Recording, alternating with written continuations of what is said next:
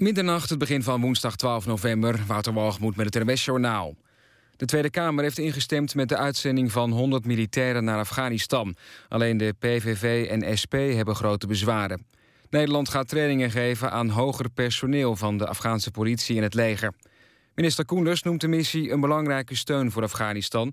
die volgens hem veel meer dan eerdere Nederlandse bijdragen... is gericht op de eigen verantwoordelijkheid van de Afghanen. De missie bestaat uit trainers, medisch personeel en eenheden die transport en beveiliging organiseren. Amazon is vanaf vandaag ook actief in Nederland. De grootste webwinkel van de VS begint met de verkoop van 20.000 Nederlandse e-boeken via een Nederlandstalige website. De Nederlandse boekenwereld was al een paar jaar bang voor de komst van Amazon, dat bekend staat om zijn lage vergoedingen voor uitgeverijen. Volgens het Amerikaanse bedrijf is met de grootste Nederlandse uitgeverijen inmiddels een akkoord bereikt. In de VS verkoopt Amazon inmiddels veel meer dan alleen boeken, maar of dat ook in Nederland gaat gebeuren is nog onduidelijk. Minister Ascher laat onderzoek doen naar de opvattingen van Turks-Nederlandse jongeren over Syriëgangers en IS. De minister is geschrokken van een enquête van Motivaction. Daaruit blijkt dat 90% van de jongeren Syriëgangers ziet als helden. PVV-leider Wilders wil snel een debat met de minister. In Drenthe is vanmiddag een lichte aardschok geweest. Die had een kracht van 2,0 op de schaal van Richter. Het epicentrum lag ten zuiden van Assen. Er zijn geen berichten over schade. Volgens het KNMI is een schok van 2,0 net voelbaar. Voor zover bekend is dit de tweede beving dit jaar in Drenthe. Volgens het KNMI is er geen verband met de aardbevingen in de Groningse gasvelden. Het weer nog. Vannacht zijn er wolkenvelden met plaatselijk wat lichte regen. Later in de nacht wordt het droog en de temperatuur daalt tot zo'n 8 graden. Overdag begint zonnig, maar smiddags en s avonds is er opnieuw wat regen... en het wordt 12 graden. Tot zover het NWS Journaal. En dan is er nog verkeersinformatie van de ANWB met één melding. Op de A28 Zwolle richting Amersfoort... staat tussen knooppunt Hattemerbroek en Wezep 3 kilometer. En dat was de verkeersinformatie. NPO Radio 1. VPRO. Nooit meer slapen.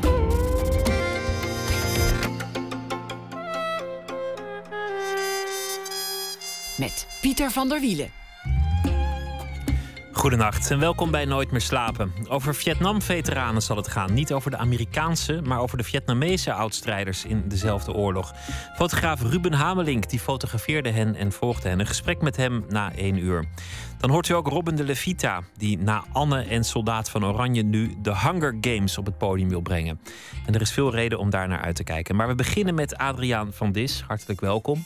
Goedenavond. Het nieuwe boek heet Ik kom terug. Ik zou eigenlijk dit gesprek moeten beginnen met je iets te drinken aanbieden. Witte wijn, rode wijn. Zoals dat vroeger in jouw programma ging. Alleen ja, het is. Het is ik houd bij een kopje thee, dat houdt me wakker. Meer is er ook niet, moet ik je bekennen. De, de gloriedagen van de VPRO zijn. Uh, voorbij als het gaat over, het, uh, over de catering in ieder geval. Ik houd het bij water, jij houdt het bij thee. Een nieuw boek, um, daar wil ik het over hebben. Ik wil het ook met je hebben over, uh, over Parijs en, en uh, waar je nu woont, het houten Zonder huis. Zonder Parijs zou dit boek niet eens zijn ontstaan. Want je bent er weg, hè, uit Parijs? Ik ben er weg na acht jaar, ja. Dat lijkt me ik altijd mis het vreselijk.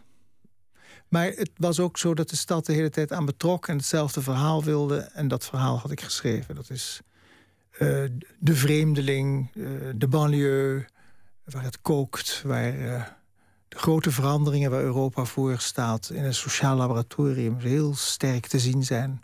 De intifada zou je bijna zeggen, die rondom Parijs plaatsvindt. Dat heeft mij zeer geboeid. daar ben ik geweest. Ik had een illegale werkster. Ik heb een terreinen verkend waar je niet gewoonlijk komt als je in je eigen cirkeltje blijft zitten. En dat was heel inspirerend. Maar als ik dan weer in de krant las dat er 4000 Afghaanse kinderen tussen 11 en 16 op Parijs zwierven, dacht ik, daar moet ik achterheen. Dacht ik, nee, dat heb ik al verteld. Je schreef ook in, in dit boek dat je naar Parijs ging om het oud worden uit te stellen. Om jezelf als jonge man te blijven zien. Nou, een van die wonderlijke dingen. Nou, kijk, Amsterdam is een hele leuke stad, maar er heerst een grote zelfgenoegzaamheid. Uh, die ook uiteindelijk jezelf aantast. Uh, en ik vond het heerlijk om onzichtbaar te zijn. En ik wilde mezelf ontkooien. Als je lang in één stad leeft, dan leef je een beetje op bekend terrein. Je leest de dagkranten, de avond- of de weekbladen die je kent... waar je niet erg in wordt tegengesproken, bij wijze van spreken. Je zit altijd in die keurige tram.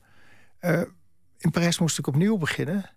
en plotseling was ik niemand. Uh, en kon ik ook gewoon sociale contacten aangaan... waar ik helemaal uh, geen oordeel of vooroordeel over kon hebben... want ik wist niet precies hoe de wereld in elkaar zat. En ik was ook een vreemdeling. En het begon inderdaad met een werkster, een illegale werkster... die al 24 jaar illegaal was. Dus ik vroeg, hoe doe je dat? Nou ja, uh, hoe doe je als je ziek bent? Ja, een humane werkgever. Je mag meeleven uh, op de verzekeringskaart. Maar uiteindelijk bleek er ook bijvoorbeeld illegale artsen te zijn. Een hele grijze economie waar je niks van weet. Als je met zo iemand op stap gaat, ontkooi je. Kom je plotseling in een ander milieu terecht. Maar niet alleen, laten we zeggen, in armoe en, en, en, en buitenwijk... maar ook met hele rechtse mensen kwam ik in contact. En al die voordelen liet ik maar varen, want ik moest mijzelf aanpassen... en uh, en integreren in een nieuwe wereld. Is ook een rol die je wel ligt, hè, buitenstaander. Ja, dat is een, een, voor mij als, als, als, schrijver een aangename rol. Maar het is waarschijnlijk ook meegegeven door thuis. Uh, een repatriantenhuis waar mensen status hadden verloren. Uh, aan de ene kant reuze hun best deden om zich aan te passen, aanpassen, aanpassen, aanpassen. Dat was bijna een, een, een soort Pacho-Indisch woord. Dat is een Pacho is een Indo-dialect. Heel belangrijk en een beladen woord. Nederlandser dan de koningin worden. Ja, kinderen moesten enorm hun best doen. Vooral ook de meisjes. En tegelijkertijd het koesteren van het anders zijn. Dat was ook heel sterk, want de, Hollanders die waren natuurlijk uh, een beetje lomp. Olifant in de porseleinkast, kassar. En de Indische mensen waren wat gevoeliger en fijnzinniger en schoner. Gingen elke dag in het bad. Uh, de Hollanders niet. Een familie van buitenstaanders, in, in zekere zin. Althans, mensen uit een andere cultuur afkomstig naar Nederland. Maar zelf ook een buitenstaander in die familie. Ja, nou ja, ik, ik na de oorlog geboren. Dat is al een enorme handicap. Terwijl de oorlog uh, nog een hele tijd duurde in dat huis waar ik opgroeide. Maar daar weet je niks van, daar hoor je niet bij. Een muur van vlees, een moeder met drie dochters, drie bruine dochters, mijn halfzusjes, die in het kamp hadden gezeten, die met elkaar een ja, stilzwijgend verbond hadden waar je niet tussen kwam. Bruine kinderen uh, die in het kamp hadden gezeten, of, of halfbruin. En die daarmee uh, ja, volwassenheid hadden die de kaaskopkinderen niet hadden.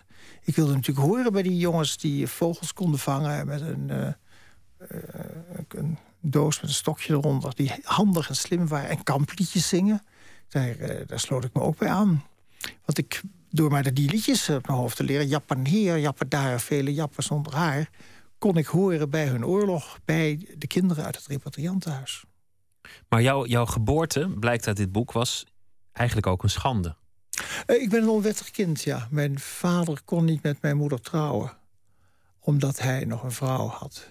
En twee kinderen daar. Waarvan hij trouwens ontkent dat hij daar de vaderschap van heeft. Dat weet ik niet. Maar die vrouw die heeft zich laten scheiden van hem voor de Mohammedaanse wet. Want Indonesië had zich onafhankelijk verklaard na de oorlog. En er werd de, sharia, de Mohammedaanse wet, als geldig verklaard. Maar die gold niet in domineesland. Die vrouw moet, want ik weet niks van, dan vermoedelijk wel... Uh, een inheemse band hebben gehad. Uh, een kleur hebben gehad. Want een Europeaan kon zich niet beroepen op de Mohammedaanse wet. Dus ik ben, believe it or not, op dit late uur... een slachtoffer van de sharia. Voor we helemaal die geschiedenis induiken en ook, ook vooral het verhaal van die moeder, want daar gaat dit hm. boek over. Ben ik benieuwd, ben je moedig? Ben je een moedig mens, zou je dat zeggen? Nee, ik ben een bang, bang mens. Die zijn angst probeert te overwinnen door telkens een stap naar voren te doen. Ik ben heel erg opgegroeid met angst. Angst voor een vader, angst voor de oorlog, angst voor armoede. Nee, ik ben niet moedig. Maar je kunt ook zeggen, terugkijkend, dat ik toch telkens weer die stap naar voren deed. En als ik viel, weer opstond en weer een stap naar voren deed. En daar zit iets taais in, iets van doorzettingsvermogen.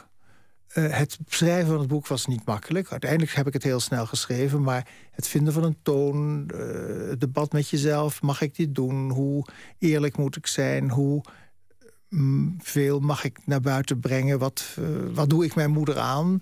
Uh, hoewel ze wist dat ik een boek over haar schreef. En mijn moeder, die altijd eh, de afwezer in mijn werk is geweest... nou, het lijkt nu alsof ik iets herhaal. Nee, ik breng iemand naar voren die altijd in de schaduw heeft gestaan. Die het was eigenlijk altijd die vader.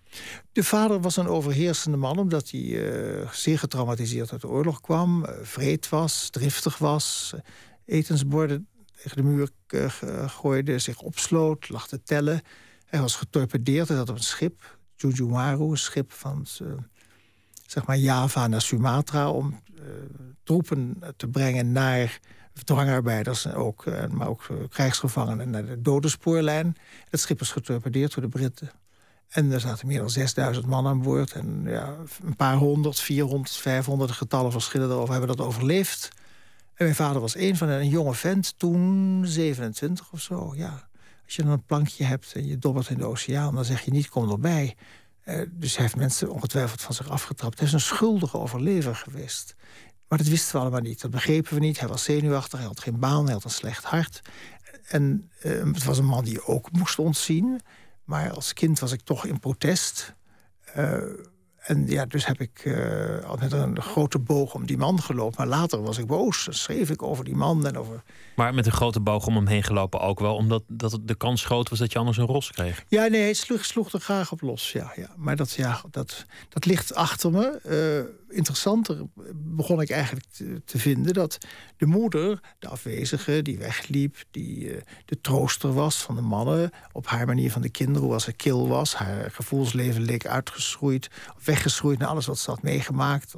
Moeder verloren toen ze vijf was of drie was. Uh, eerste echtgenoot, een zeg maar nagenoeg Indonesische man. Uh, die is onthoofd door de Japanners. En dan een tweede man die een kind bij haar verwekt... toen ze nog in onzekerheid was over het lot van haar eerste man. Dus ook allemaal niet erg handig. Uh, goed, een man die dus geestelijk derailleerde, twee dochters verloren.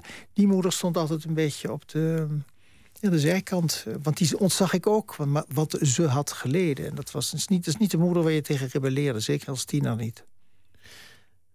De angsten overwinnen. Het zou een levensfilosofie kunnen zijn. Je angsten niet ontkennen, maar onder ogen zien. Altijd die stap naar voren doen. Ja, of dat nou iets is wat je bewust doet, of dat dat een, een, een, een karaktertrek is die je misschien wel, oh ja, karaktertrek, een gedragstrek is die je hebt overgenomen. Want je zou kunnen zeggen dat mijn moeder ook heel moedig was. Die deed ook een stap naar voren. Een boerenmeisje dat op haar twintigste met een hele donkere man trouwt, die ze op een uh, T van de Koninklijke Militaire Academie heeft ontmoet. Dat was een gebeurtenis. Je, zou het nu kunnen vergelijken of een meisje uit Assen met een Congolees trouwt. Het valt even op. En, en, en in 19, wat was het? Zeg maar 1930 was dat uh, een zeer ongewone stap.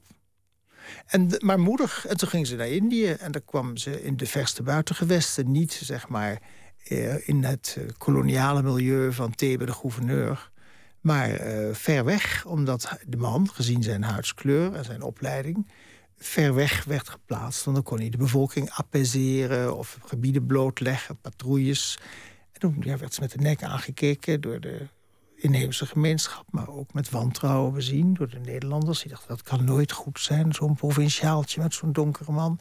Dus ze maakte ook telkens stappen voorwaarts. Dat heeft haar veranderd. Dat heeft haar met afstand doen kijken naar Nederland, maar ook naar het Indië, het Indië, wat vaak met nostalgie wordt bezongen. En, en, en ook met, ach, je het reuze. Mijn moeder had een hele bittere herinnering aan Indië. En ook een bittere geschiedenis. Daar komen we misschien straks nog over te spreken. Maar je schetste eigenlijk geen warme vrouw. Niet een heel zachtaardige vrouw. Misschien wel een vrouw die vief is, die bij is, die bewonderenswaardig is. Maar in emotioneel opzicht niet iemand bij wie je als jongetje om een knuffel moest komen. Nee, aan knuffelen. Nee, dat is ook iets wat ik me steeds meer afvraag. En hoe ver ik knuffelde trouwens. Uh, onze ouders, hier praat dus een man nu van 67, dus laten we zeggen, de ouders die na de oorlog hun kinderen grootbrachten, waren misschien geen knuffelaars. Die zogenaamde emancipatie van de emotie, zoals Jolande Withuis dat ooit heeft genoemd, die is van later tijd. Uh, dus dat was toen huilen, snikken, daar deden we niet zo aan. Maar er was ook natuurlijk altijd. Zij hadden iets ergs meegemaakt. Als je een probleem had of met een geschaafde knie binnenkwam, dan die blik alleen al van noem jij dat pijn, noem jij dat een wond, noem jij dat bloed, wij, puntje, puntje, puntje, puntje. En dus dat was ook niet een plek waar je nou eens op een schoot kroop, want je moest flink zijn. Je moest je voortdurend uh, vermannen voor die volgende oorlog. Dat speelde heel sterk. Is dat, het, is dat hetzelfde als je angsten overwinnen en die stap naar voren doen? Flink zijn? Het woord flink zijn lag wel op de, voor op de lip. Uh, maar ik denk dat die stap naar voren doen ook een soort geldingsdrang is. Je wilt toch laten zien dat je er bent. Kijk eens, leuk hè, dat ik er ben. Ook krijg je, je geboorte, een dreun. Je geboorte is een schande. Je bent een buitenstaander, maar je wil wel laten zien dat ik je wil er een bent. toneel. En ik, je hebt jongens die weten op hun zesde dat ze conducteur willen worden of vliegenier. Ik heb maar één ding gewild vanaf het moment dat ik wist dat je iets kon doen. En ik had goochelaars gezien in de Berg aan Zee tijdens de zomerfeesten. Ik had rare clowns gezien. Ik wou zoiets worden tussen goochelaar en clown en applaus krijgen aan het toneel. Laten zien dat je er bent, maar tegelijk ook iets om je achter te verstoppen. Natuurlijk, door, door een ander te zijn en nooit jezelf te zijn. Dus je voortdurend verkleed liep ik rond. En daartoe sloopte ik, spreken, de klerenkasten van mijn moeder en mijn zusjes. Dus ik liep, een BH bond ik om mijn oren. Was ik vliegenier. Ik was wel vliegenier, maar ik speelde vliegenier te zijn. Met twee grote oordoppen links en rechts. En dan had ik weer een mal hemd of een babydol. En dan rende ik mee door het dorp, schreef mijn eigen toneelstukjes... en ging daarmee langs de deuren voor geld. Willen laten zien dat je er bent, je angsten overwinnen, tegelijk ook altijd een buitenstaander zijn en je willen verschuilen. Volgens mij ben je ook iemand die heel graag solitair is. We begonnen met Parijs en volgens mij was een van de voordelen ook dat je daar niet de hele dag mensen om je heen hoefde te hebben. Nee, dat is iets heel vreemds, hoewel ik dus heel sociaal ben en vrienden heb en trouw ben en ook uh, heel erg goede relatie heb, vind ik het heerlijk ook om alleen te zijn. Dat vind ik ook. Ik ga nog altijd terug naar Berg aan Zee, dat is van mij. Ik heb ook geen duinkaart, dat is allemaal van mij. Ik wil ontzettend graag een keer aangehouden worden door de boswachter. En zeggen: nee, dit is allemaal van mij. Want daar liep ik als jongetje en daar liep ik altijd alleen. En daar vond ik ontzettend veel troost. En dan had ik een paar schoenen, Robinson schoenen met een uh, palmboompje in de hak. En als het dan gewaaid had, was je de eerste die op het zand liep. En dan stempelde ik mijn palmboompjes. Dus had ik toch een beetje mijn Indië bij me in dat zand. En dat, was een, dat waren echt geluksmomenten. En, en, en, nog, en ook wat er ook gebeurt, alleen lopen door het duin, langs de bunkers, de zeemijnen die daar uh, in het zand verscholen zaten. Dat waren, dat, daar vond ik troost, in mijn eentje. Weg van een huis met zoveel mensen. Met allemaal berinis op de gang en lekkende Solex en bruttelpannetjes en dekens voor het ramen. Dat drukke huis, dat Indische huis, hoe ook zeer ik verlang naar die geuren. Alleen in de duin, dan vond ik een soort ja, genezing. Laten we gaan luisteren naar uh, muziek voor we, voor we het over het boek gaan hebben.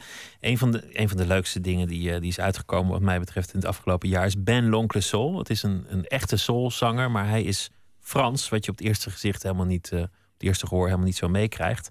Maar hij komt uit het stadje Tours en hij, nou, hij zingt gewoon alsof hij Otis Redding is. Nummer heet Feeling Good. Birds flying high, you know how I feel. Sun in the sky, you know how I feel. Breeze drifting on by, you know how I feel. It's a new dawn, it's a new day, it's a new life for me. It's a new dawn, it's a new day. Ooh, and I'm feeling good. Yeah.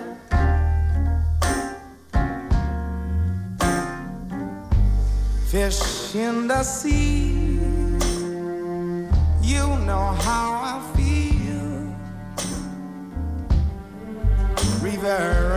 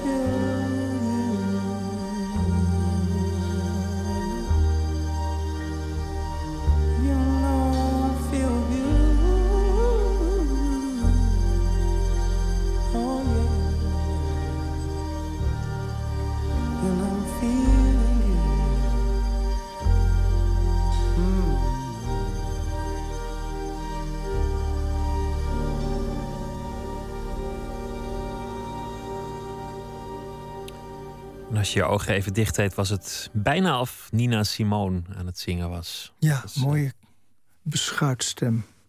Ben L'Oncle Soul, Feeling Good.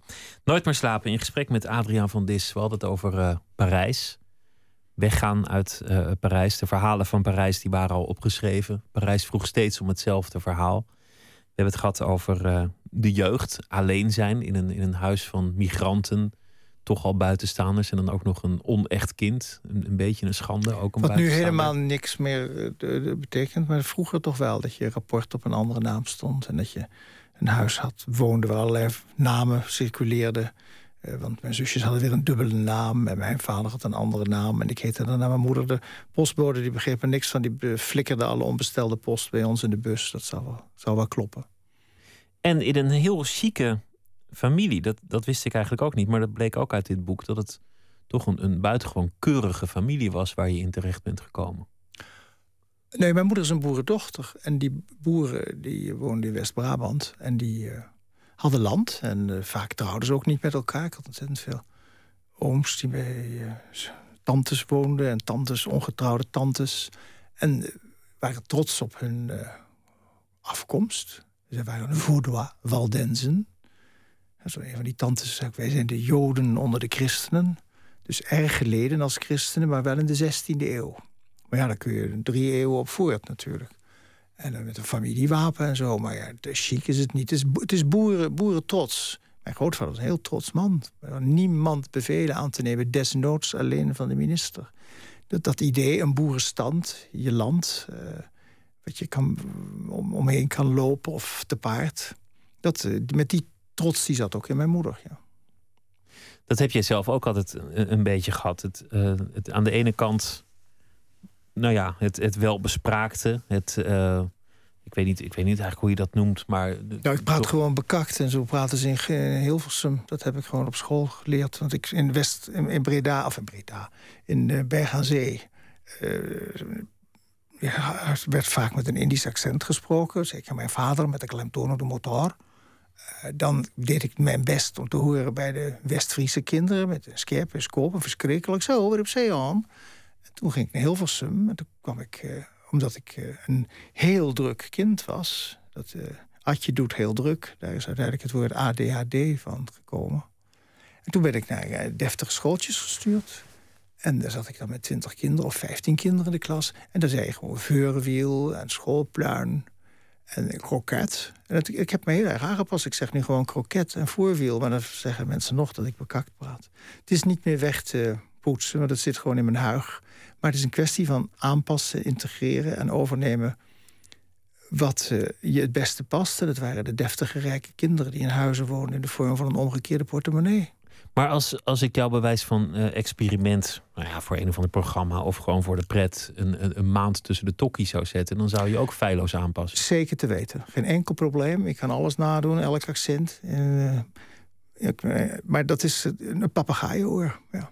Dat vond ik ook in Parijs zo leuk natuurlijk. Ook heel goed luisteren, accenten meenemen. En dingen soms gebruiken, niet gebruiken. Dat, dat is een beetje mijn aard. Uh, mimicry, overleven, je past je aan.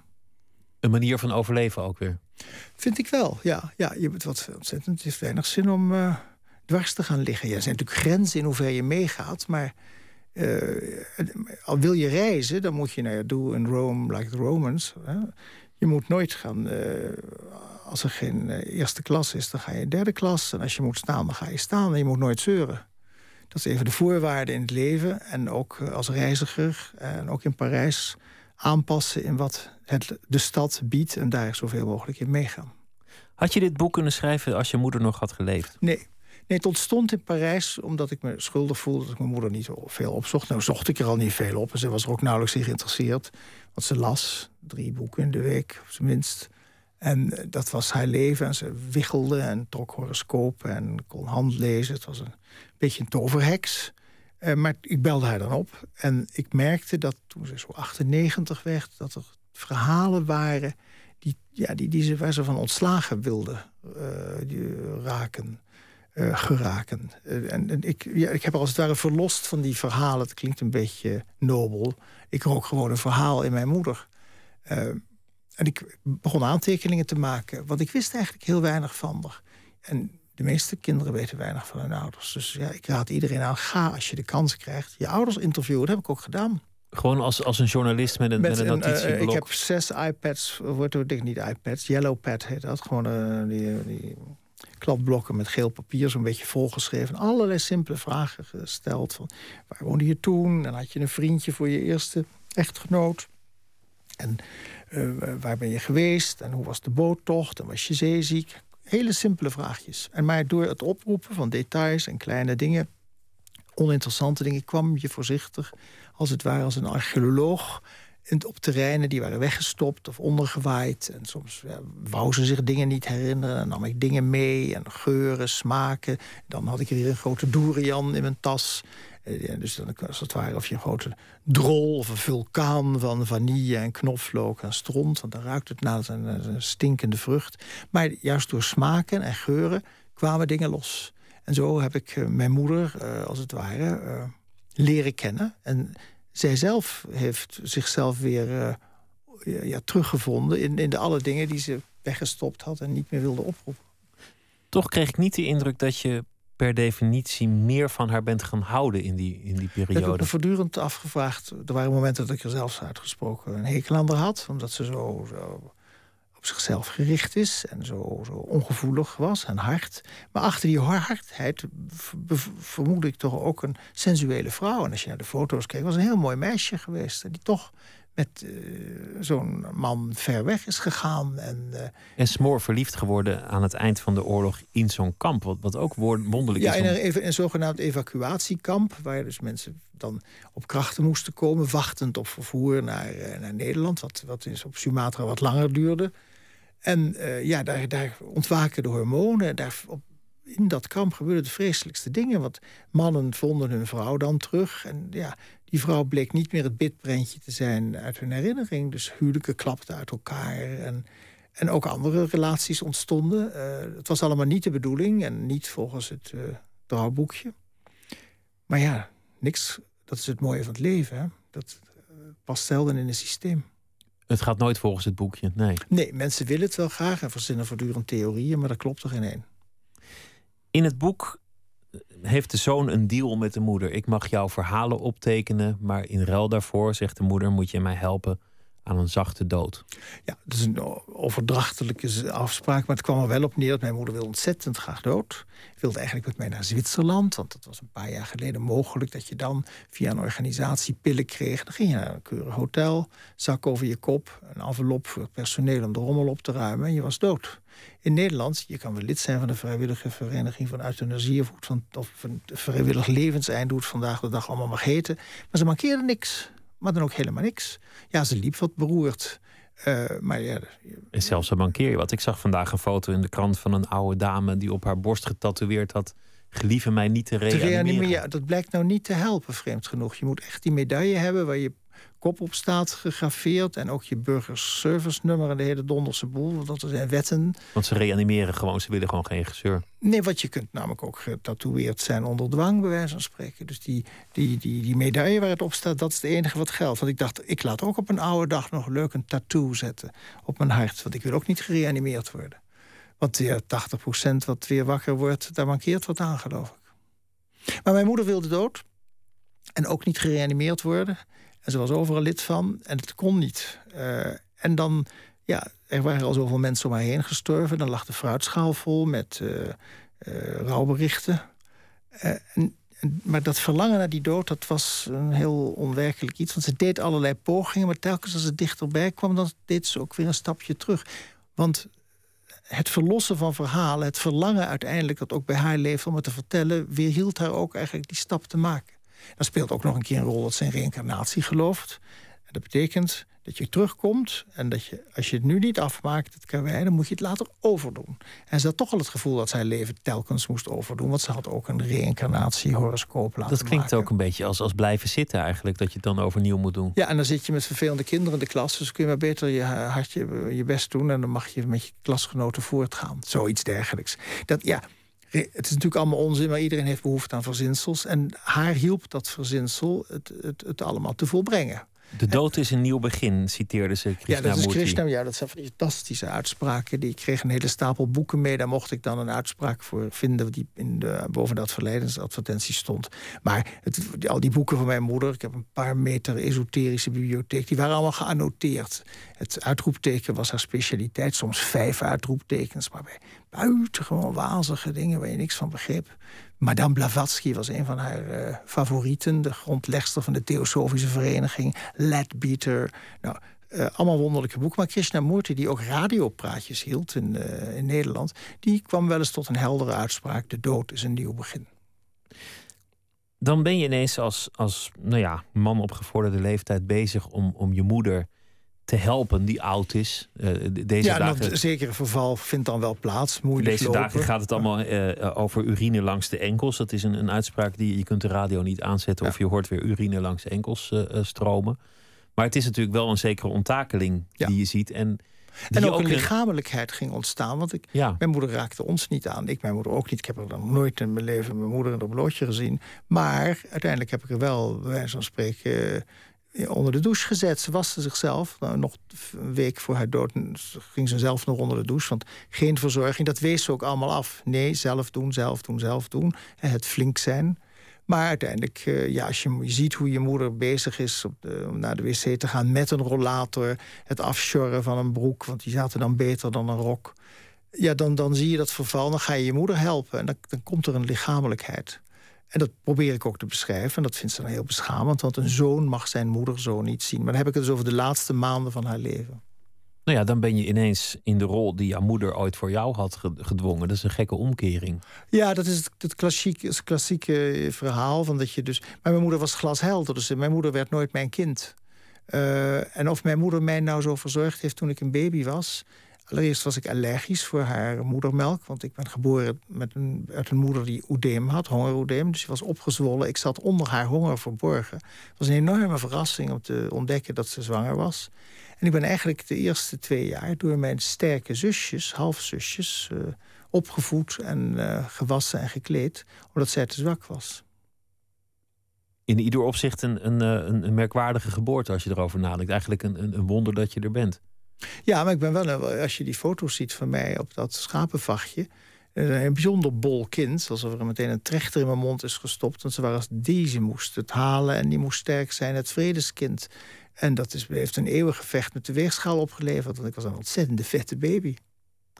Nu ben je een wees, eigenlijk. Ja. Dat klinkt wat dramatischer dan het misschien is, maar het is ook een feitelijkheid. Ja, maar ik was al zo gewend aan de dood en al zo vroeg... dat mijn vader ging dood toen ik tien was. En uh, daar ontleende ik ook wel een zekere status aan. Want ik zie me nog op het schoolplein komen na de dood van mijn vader. Dat was toch wel wat. Uh, ja, die, die, kinderen hadden dan wel een huis met een rieten dak... en een vader met een uh, rover of zoiets. Maar ik, ik had er geen, geen vader. Dat, dat, was, dat was wel een beetje stoer. Aan het begin hadden we het erover dat je, dat je in de tijd naar Parijs trok om jong te blijven, om het oud zijn te ontvluchten. Je bent nu terug naar het oosten van Nederland. Ja. Um, ik verlangde ontzettend naar tuin en naar grond. En uh, wat ik wil, om een huis lopen en geen buren zien. De stilte, de eenzaamheid, dat vind je helemaal niet in het Westen. Maar dat is in de, in de Achterhoek betaalbaar voor de prijs van een verdieping in de pijp. Kun je in de Achterhoek een stuk grond kopen waar je echt omheen kan lopen. Ben je klaar om oud te worden nu? Uh, ja, het vreemde is, uh, ik ben er wel mee bezig door het verval wat je om je heen ziet. denk je, jeetje, wat gaat er met mij gebeuren? Ik heb eens iemand opgezocht die in een uh, zo'n revalidatiecentrum woonde. Daar zag ik een heleboel kapoeren witte mensen. Dat, dat grijp je wel aan. Dat je, hoe ga ik oud worden? Maar ja, wat doe ik? Fitness. En ik schrijf. Ik heb geen pensioen en dat schrijven houdt me bijzonder jong. En dat is wat ik wil en waar ik nu alweer mee bezig ben met een volgend boek. En zolang dat denken lukt, ben ik niet oud. Want ik schrijf niet met een hoofd van een oude man. Het is natuurlijk ook iets wat je nooit moet doen: de knop omzetten en jezelf als oud gaan bestempelen. Of ineens zeggen: nu geef ik me over aan de ouderdom. Want dat is ook een gevecht volgens mij. Nee, maar je moet wel voldoende in de spiegel kijken om te weten wat je kan doen met je, met je leeftijd. Je moet niet je ziet wel eens heel grappig mensen nog steeds met een kippenkontje of een nozemkuif. En als je dan een beetje zo tegen de 60 loopt, staat dat mal. Zoals er ook nog jongens zijn met cocker spaniel haar, omdat ze leuk lang haar hadden toen het haar nog krachtig was. Dus je moet op een gegeven moment wel ook accepteren dat je ouder wordt. Uh, maar dat betekent, anders, wordt het, anders wordt het belachelijk. Maar, dan moet je, maar dat betekent niet dat je het leven je wat geleerd heeft, natuurlijk. Dat is voor oude sokken. Heb je spijt dat je Parijs hebt verlaten? Ondanks de verhalen? Ja, in zekere zin wel. Want ik vond het heerlijk omdat ik eh, zo'n fantastisch excuus had om nergens naartoe te hoeven. Want ik zat in Parijs. En nu moet ik uh, dat hele nee zeggen weer leren. Want ja, er is natuurlijk maar één plek. Dat is gewoon toch achter je schrijftafel. En ja, behalve nu, want nu ben ik een beetje in de barskramer van mijn eigen boek. Maar dat hoort ook uh, bij dit tijdsgevricht. Maar ik heb die stilte en dat nee zeggen nodig om weer aan het werk te kunnen een fantastisch beroep gekozen voor iemand die aan de ene kant wil bewijzen dat hij er is en aan de andere kant zich wil onttrekken, wil verschuilen. Uh, iemand die graag alleen is, maar tegelijk ook midden in het leven staat. En tegelijkertijd de televisie opzoekt. Hoogst merkwaardig. En uh, vraag me niet hoe dat allemaal ontstaan is, want ik weet niet of het een kiezen is. Het, het, zijn allemaal ambities, uh, pogingen je te laten zien. en tegelijkertijd kun je zeggen dat juist die zichtbaarheid ook weer bevorderd heeft dat ik me zoveel terugtrok. want je, je, bent dan wel bijvoorbeeld vroeger met dat boekenprogramma zichtbaar. Maar dat was ik maar één keer in de maand, een uur. En de, overige tijd kon ik me perfect verstoppen en was ik onzichtbaar. Want ook, ook toch ongemakkelijk met die adoratie van het publiek. Ja, nou, adoratie en. Uh, en alles wat er verder bij komt. en haat liggen allemaal heel dicht bij elkaar. Ik heb altijd erg moeite met mensen die zo heel erg bewonderend zijn. Want als je niet tegemoet komt aan die bewondering, slaat het in een seconde om. Uh, dus dat doet me niet veel. En ik uh, heb een hele trouwe groep vrienden die gelukkig me wel de waarheid zeggen. Hoe heb je dat in de liefde gedaan? De wens om alleen te zijn en de wens om te bestaan? Uh, door een hele goede vriendin te hebben, maar dat is een onderwerp dat ik niet bespreek. Ze komt wel langs in het boek. Ze komt in het boek even langs, omdat ik wil laten zien dat die man er niet helemaal alleen voor staat, maar hij er ook heel raar mee omgaat. Want hij laat in het boek, in de roman, uh, de vriendin niet eens toe in de ervaringen die hij met zijn moeder heeft. Uh, dat is iets wat hij, waar hij iedereen voor uitsluit. En dat, daarin kopieert hij in zekere zin het gedrag van de moeder. Die ook voortdurend familie heeft buitengesloten. Het hele boek is een ontdekkingstocht naar de familie van de moeder, die de, die zoon niet kent. Naar de familie van de vader, die die ook niet kent. En de Indische familie. Telkens heeft mijn moeder, ook in werkelijkheid, alles wat haar niet beviel, buiten haar leven gehouden. Het, het is eh, goed dat je de liefde niet bespreekt.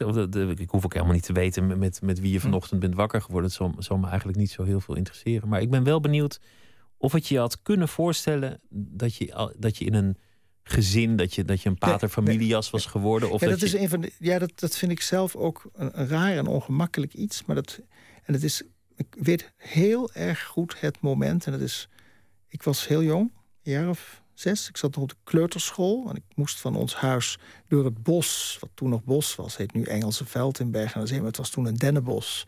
Groot en, en, ja, het perspectief van een kind is klein. Dus een lang pad door het bos. En ik stond voor dat bos en ik, draaide naar dat huis waar het druk en vol was. En lawaaiig en fiets in de gang en was. Dat ik nooit, maar dan ook nooit met een familie zou wonen. En dat ik nooit zou trouwen. Het is, en dat heb ik ook nooit behoefte toe gevoeld. Altijd geweten dat ik in die zin een eenling zou zijn. Ja, Robinson Crusoe, alleen. Wat was er gebeurd als het je toch was overkomen? Dat, dat maar ja, dan was ik waarschijnlijk had ik, dan was ik, had ik grote fouten gemaakt omdat ik het een hele tijd geduurd heeft voor ik mijzelf min of meer in beheer had. Ik heb alles gedaan wat God verboden uh, heeft. Ik heb gezocht. Ik heb uh, malle zijpaden bewandeld. Uh, op zoek naar, zeg maar, je kern. Dat vind ik al zo vreselijk. Want wat is mijn kern? Ik weet het bij God vandaag nog niet. Daarom schrijf ik om dat allemaal te ontdekken. Maar um, ik, wil, ik was als de dood om te worden als mijn vader. En ik had natuurlijk, uh, toen mijn vader wegviel... en dan vier vrouwen om me heen... Hè, ik zei als jongen niet riem, maar centuur. Ik zei niet overhemd, maar blouse. Uh, ik had een, een, hele feminine levensvisie. Dat heeft allemaal verwarringen gebracht. En uiteindelijk heb ik daar wel een pad en weg in gevonden... maar ook al he heel veel hulp daarbij te vragen. Ik ben als kind al bij een psychiater gebracht in Bergen. Uh, bij het hertenkamp. Maar nou, toen was ik dus een jaar of zes, zeven. Daar weet ik niks van. Het speelt wel in een van mijn boeken een rol. Maar moest, daar heb ik je weggehaald, want die man liet je alleen maar met blokken spelen. Daar ging ik naartoe, omdat ik zo zenuwachtig was. Ja, haai de koekoek. Met een vader die, uh, die uh, drie keer in de week een bord tegen de muur gooit. Dat, dat, dat is voor een kind lastig. Uh, en later als student, al aan de middelbare school ben ik al naar een psychiater gegaan. Dus het is ook weer je angsten overwinnen, is ook weer die stap naar voren. Dat is stap en ook gewoon er is iets aan te doen. Het is de hele. Kijk, als je, je, een, een, hamstring hebt, dan ga je naar een fysiotherapeut. En als je een, je hamstring in je kop breekt, dan moet je naar een psychiater. Daar zit geen enkele schande aan. Ik ben groot pleitbezorger daarvan. En het is nog opmerkelijk hoe de samenleving nog steeds omgaat met mensen die gewoon een, een, een probleem in hun kop hebben. Uh, en ik heb uh, mijzelf onder behandeling gesteld. Uh, en dat wenste ik ook. En ik ben er altijd tegen om mijzelf als cliënt te zien. Nee, ik was patiënt. Ik wilde bepaalde problemen met mijzelf oplossen. En ik wilde maar dan, dan komt die ander. Want je, je kunt tot je eigen kern komen en alles volledig oplossen. Maar je hebt besloten, ik, ik wil alleen leven. Dat is voor mij het beste. Het is niet een besluit. Zo ontstond het. En op een gegeven moment... Kijk, je, hoeft, je, je, je verandert niet zozeer. Je leert omgaan met je eigen merkwaardigheden en je eigen krankzinnigheid. Maar dan, dan komt er iemand anders, je bent, je bent verliefd, je, je geeft om haar. Uh, en, en nou ja, het is helemaal aan en die, die wil dat wel of, of die gaat aan je trekken. Dan heb, heb je in het leven dan op een gegeven moment ook een spoor van vernielingen achter je aangetrokken? Nee, nee, ik heb ook wel samen gewoond met een vriendin, vijf jaar. En met, ik heb wel verhoudingen gehad, maar en, uh, uiteindelijk heb ik, ik heb mij nooit voortgeplant. Dus in die zin heb ik geen beschadigingen. Uh, Geen blijvende schade aangericht. Ja, misschien zal ik, als ongetwijfeld heb ik mensen verwond en ben ik slecht geweest en onaardig geweest. Dat betreft zijn we allemaal even slecht. Maar ik heb niet uh, gebroken gezinnen achter me gelaten. Maar dat ook eerlijk gezegd, omdat ik er te bang voor was. Dat is helemaal niet uh, uit nobelheid. Het kwam er niet van. En, dat, dat, en, en het hechten, dat is natuurlijk een, een lastige zaak geweest. Laten we gaan luisteren naar uh, uh, muziek van Mary J. Blige. Die uh, had een nieuwe impuls nodig en vertrok naar Londen. Zij is een RB-zangeres uit de Verenigde Staten.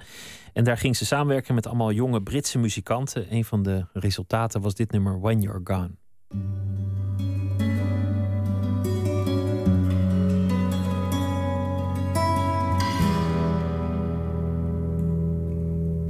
Seems like we were right. But you always have a problem with everything. Appreciate your advice, but sometimes I have trouble managing. Now that I'm paying attention, I see how beautiful you are. But when you spend so much time together, that image can get so dark. But when you're gone, I miss you like I did when we were first together. No one in this world could ever hold me better. Just tell me when you're coming home. When you're gone, I miss you like you took a piece of me with ya. Didn't think I cared that much, did ya? Just tell me when you're coming home. Seems like we were right, but today I woke up on the wrong side.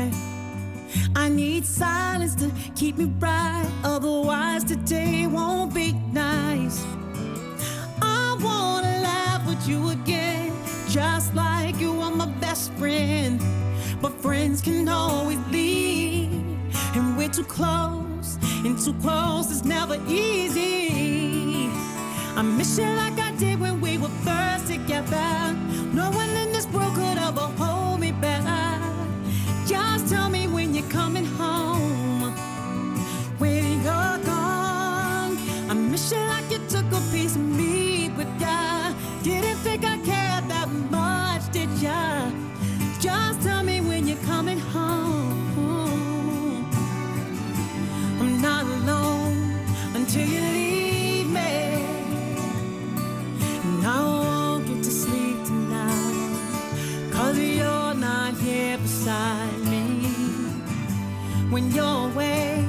It's never easy. You make it all right. I miss you when you're gone. I miss you like I did when we were first together. No one in this world could ever hold me better. Just tell me when you're coming home.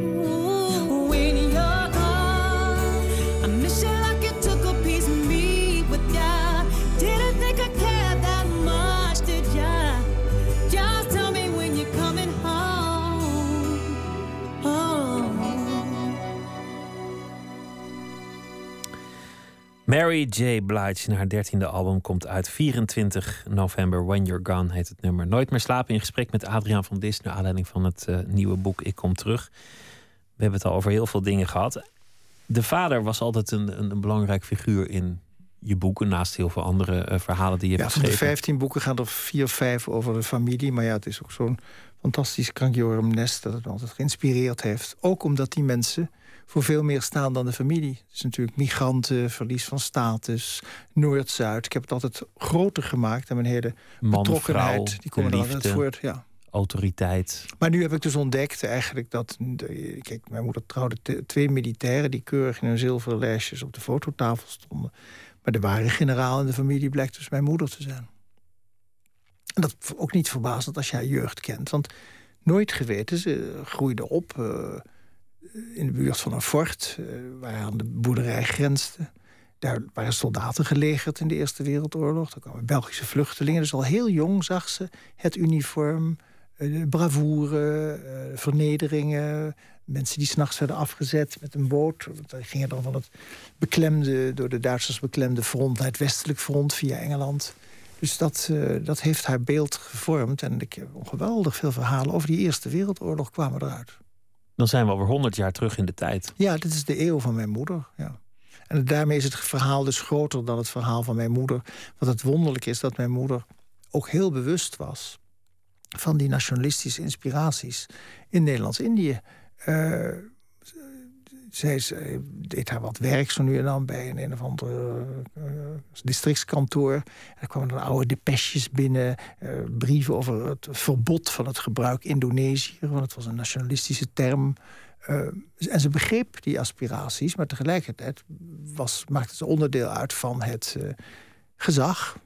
Of in moderne termen gezegd, het onderdrukkingsapparaat.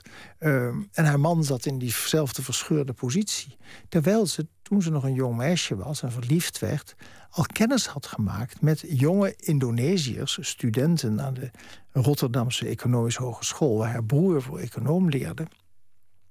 En die waren voorstanders van de non-coöperatieve houding. Die hebben het woord Indonesië gehaald uit een Duits antropologisch handboek... waar gesproken werd over Polynesië en Micronesië... en die eilanden bijeengesmeed te vuur en te smaad, te zwaard door de Nederlanders... Hè, van Heuts, Daandels en noem maar op. Eh, dat, ja, dat noemden ze Indonesië. Eh, en dat was een verboden woord. En die jongens kwamen op de boerderij van haar vader... Hè, jongens die onder de palmen hadden gelopen, maar die Gandhi als voorbeeld hadden. Dus dat, dat inspireerde haar dat ze dan ongelukkigerwijs verliefd werd. Ongelukkigerwijs in de perspectief van de geschiedenis gezien op een jongeman in een uniform. Die ja, door dat uniform zich vastklonk aan orde, gezag, vlag, koningin, Nederland en de hele flikkerse boel. Terwijl die, dus eigenlijk hoorden ze niet echt bij het gezag. Want, want ze, ze had toch eh, te veel te maken met, met de mensen met een kleurtje. Maar aan de andere kant hoorden ze toch bij de onderdrukker voor de, voor de inheemse. Ja, dat zijn allemaal grote woorden, maar, zeker, maar en ze had ook een soort sympathie daarvoor, want ze leerde de taal. En, en omdat ze alleen was, zocht ze op omgang met eh, ja, de inheemse bevolking. En vooral wat haar bijzonder aantrok, waren dus godsdienstige zaken, animisme, boeddhisme, islam. Dat heeft haar bijzonder aangeraakt. Thuis deden wij met kerstmis ook halve Soefi-achtige diensten. Tot aan, tot aan Krishnamurti. ja, we eh, las een stukje uit de Torah, en een stukje uit de Koran, en een stukje uit de Bijbel, uit de Bhagavad Gita. Wij zijn opgegroeid met alle godsdiensten, want in alle godsdiensten zat een kern. Dus uiteindelijk zijn we met geen één godsdienst opgegroeid. En dan als je zoveel wijze woorden van uitroeptekens eh, voorziet in al die boeken, dan op je sterfbed als laatste woorden zeggen. Ja, nee, kijk, uiteindelijk eh, schoof ze alles terzijde. Ze had wel het Tibetaans dodenboek. Dat heeft ze tot op haar dodenbed eh, ge- eh, vastgehouden. Dat heb ik de eerste keer las ik het, begreep ik er niet veel van. Maar na drie, vier keer lezen vond ik het echt een heel bijzonder boek. Het gaat van één premisse uit, namelijk dat je terugkomt. Maar verder is het een buitengewoon nuchter, bijna wetenschappelijk boek. Dat, uh, je dat heel goed begrijpt dat het menselijk lichaam door chemische veranderingen op het sterfbed uh, wanen krijgt. En die wanen moet je niet naar luisteren. Het, het gaat om, je moet zuiver sterven en zo licht mogelijk. Licht van geest en licht van materie. En daar heeft ze naar gestreefd. Maar uiteindelijk ze was ook een hele betrokken vrouw. Ze las veel. Ze luisterde altijd naar de radio, televisie, volgde de, las kranten, volgde de politiek. Schreef de hele dag ingezonde brieven, waarvan er bijna niet één op de post ging. Had een geweldige hekel aan die sukkels in de Tweede Kamer die er niks van begrepen. En ze volgde op haar sterfbed nog de kabinetsformatie. Uh, zelfs op de avond van haar sterven, toen ze al de, de, de nicotinepomp, zo'n ding, een eh, morfinepomp uh, aan was, zat ze nog te kijken naar het, het, smeden van het CDA-kabinet, geloof ik. Toen zag ze daar die Maxime Verhagen. En toen zei ze, die Maxime Verhagen is een vreselijke druiloor. En toen viel ze om. Famous last words of my mother het is de geschiedenis in, in één familie. De, de eeuw van je moeder noem je het. Maar het is ook voor als beginpunt voor een leven. Oké, het is uh, je hebt een abonnement op de therapeut erbij cadeau gekregen. Maar tegelijk voor een schrijver een, een soort oerknal van inspiratie geweest. Zo'n ongelukkige jeugd en zo'n zo'n gescheurde. Ja, nee, dat is ook zo. Dat is ook zo. En, en ik moet ook zeggen dat die figuren, door erover te gaan schrijven, worden ze groter en kleiner. En je verandert ze, je verkneedt ze. Tegelijkertijd kom je steeds dichter bij een soort waarheid uit. Uh, en ik heb laatst bijvoorbeeld uh, mijn vader tot leven geroepen. Ik moest voor een uh, Belgische literaire bijeenkomst een in memoriam uit laten spreken over mijzelf. Nou, de, de, dood vind ik een heerlijk onderwerp. Dorothy Parker zei niks voor niks. The more you think of dying, the better you will live. Dus schuur het onderwerp niet. En de bedoeling was dat je dan een vriend zou vragen om een in memoriam over jou uit te spreken. Nou, daar ga ik mijn vrienden niet mee belasten. Toen heb ik mijn vader uh, op laten komen. Een Indisch man met een sjaal gevouwen om de nek. En toen gezegd: Ja, kijk, mijn, die jongen is nou dood. Uh, maar hij heeft mij levend gehouden in zijn boeken. En nou wil ik een boekje over hem opendoen. Ja? En dan laat ik mijn vader over mij vertellen. Eh, nadat hij eerst uh, de koning Leopold prijst... omdat hij toch zo'n fantastische koloniale erfenis aan het land gegund heeft. Heerlijke politiek, uh, niet correcte zaken. Want mijn vader was natuurlijk een gewone rechtse Indische Nederlander. niks met de socialisten. Die hadden van de gulden een dubbeltje gemaakt... en het land weggegeven. en dan laat ik hem over mij praten. En plotseling vloeide mijn pen... omdat ik met mijzelf ging kijken wederom met de blik van de buitenstaander, alsof ik mijn vader was. En dat vond ik een heel inspirerend iets om op te schrijven. Dus ja, je bent klaar met die familie, maar je kunt ook zeggen: dat is mijn bron. Ben je dan geslaagd als je met de ogen van je vader naar jezelf kijkt? Die, die, oh nee, die nee man? genadeloos kon ik mezelf uh, uh, ontkleden. Maar natuurlijk, dat blijft een kern van genegenheid, want hij heeft me verwekt. Daar ga ik nou van uit. Maar het is nee, nee, nee. Maar ik hou helemaal niet van de zelffelicitatiedienst. Daar heb ik een bloedhekel aan. Weet je nog aan het eind van zoveel verhalen en die je opschrijft en dan ook tot romans smeet en die je aan een, aan een therapeut vertelt en die therapeut die kneedt de waarheid weer van heb je het alles zo gezien of misschien moet je dit hm. zien in het licht van dat. Weet je aan het eind nog wat waar is van je eigen nee, ik, verhaal? Zodra je, ik schrijf, dan begin je al te liegen. Uh, daar begint het mee. Als ik in Berg aan Zee ben, dan is dat dorp, dat is mijn Under Milkwood. Hè? Dat is mijn één groot lyrisch gedicht vol herinneringen. Ik zou wel eens zelfs kunnen zeggen dat eigenlijk na mijn tiende is er niks meer gebeurd. Als ik een steentje oppak in het Engelse veld, de baan waar ooit de Stone Trambello liep, en ik pak dat steentje op, zoals mensen een schelp kunnen oprapen en de zee horen ruizen, hoor ik in dat steentje de tram. De tram. En als ik daaraan denk, dan uh, komen een heleboel verhalen. En die verhalen worden steeds groter, die woester. en het, het, ik heb straks bijvoorbeeld in december een bijeenkomst over het stranden van de Katingo. Het was een schip dat onder Panamese vlag voer. En dat was in 19, wat zal het zijn? 54, dat is een getal.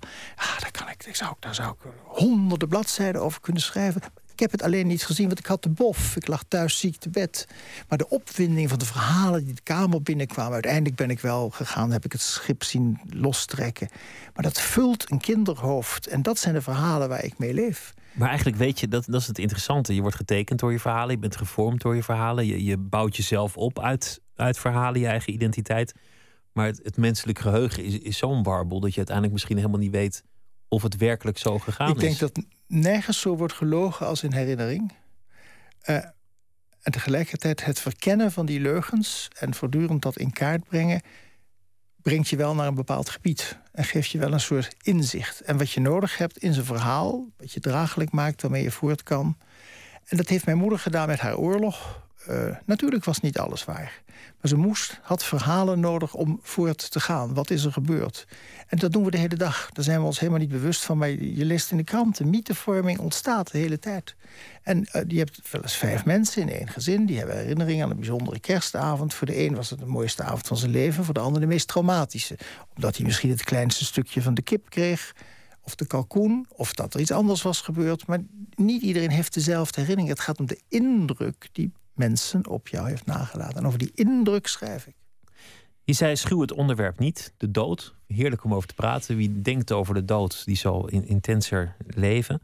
Hoe zie je dat voor je? Het is het jaar, uh, wat zullen we eens doen, 2040. En, en Adriaan van Dis die glijdt uit van uh, de keukentrap. Of, ja, of kijk, gaat, dan is het probleem. Het is een glijdend paneel. Uh, want je, als je van die keuken, keukentrap flikkert en je ligt er half lam bij, dan is het te laat. Hè? Dus wanneer neem je die stap? Ik las laatst dan een artikel van een geleerde die zei: na je 75ste geen enkel medicament meer nemen. Hè, dat zou voor mij betekenen geen bloedverdunners meer. En ik heb ooit een hersenbloedingje gehad. Uh, en dan, ja, dan. Maar ik niet zozeer het proces, huh? want dat ja. doodgaan zelf, hoe ingewikkeld dat Ja, maar het begint met een langzaam verval. En voor je het weet zit je in huizen, weet ik het niet wat, kwijlend voor het raam. En dan ben je dus dement. En dat, dat wil je tegen elke prijs vermijden? Niemand wil dat. En uiteindelijk ga je het misschien toch aan. Ik heb daar allerlei mooie boeken over van gelezen. Van Bert Keizer en mevrouw Anbeek. En, en meneer, uh, hoe heet die? Uh, Wester, ja, geloof ik, over oud worden. Westerdorp. Uh, Westerdorp, sorry. Met een vrolijk striktasje. Uiteindelijk hoop ik dat ik natuurlijk gewoon omklap van de ene dag op de andere dag. Maar het zal waarschijnlijk een glijdende schaal van verval worden. En dan? Heb je, heb je dan een gedachte over dat leven? Ik heb er allerlei ideeën over. Er ligt een fles wodka in de ijskast. En ik, als het min 20 is en ik zou er geen lol meer aan hebben... en ik, het schrijven gaat niet meer goed... dan zou ik die fles wodka leeg drinken... en dan zou ik met min 20 in een tuinstoel gaan zitten. Het is een heerlijke dood. Heerlijke dood, zegt men. Als het ooit nog vriest natuurlijk. Ja, ja. dat is, het klimaat zit tegen. Daar begint het al. Dan hebben we nog maar de IJssel. Dan, was het dan goed? Was het dan goed? Weet je dat al? Ik vind het leuk dat ik een, uh, straks een metertje boeken heb achtergelaten. En uh, ja, dat je misschien op den duur nog uh, iemand je ter hand neemt en een kleine glimlach op zijn lippen krijgt. Dank dat je te gast wilde zijn. Ik kom terug, heet het boek. Adriaan van Dis. Een goede nacht. Zometeen in uh, Nooit meer slapen gaan we verder met heel veel andere dingen. En Maartje Wortel schrijft een verhaal voor ons dat ze zometeen voordraagt. Twitter, het VPRO NMS. De mail nooit meer slapen, VPRO.nl. Graag tot zometeen.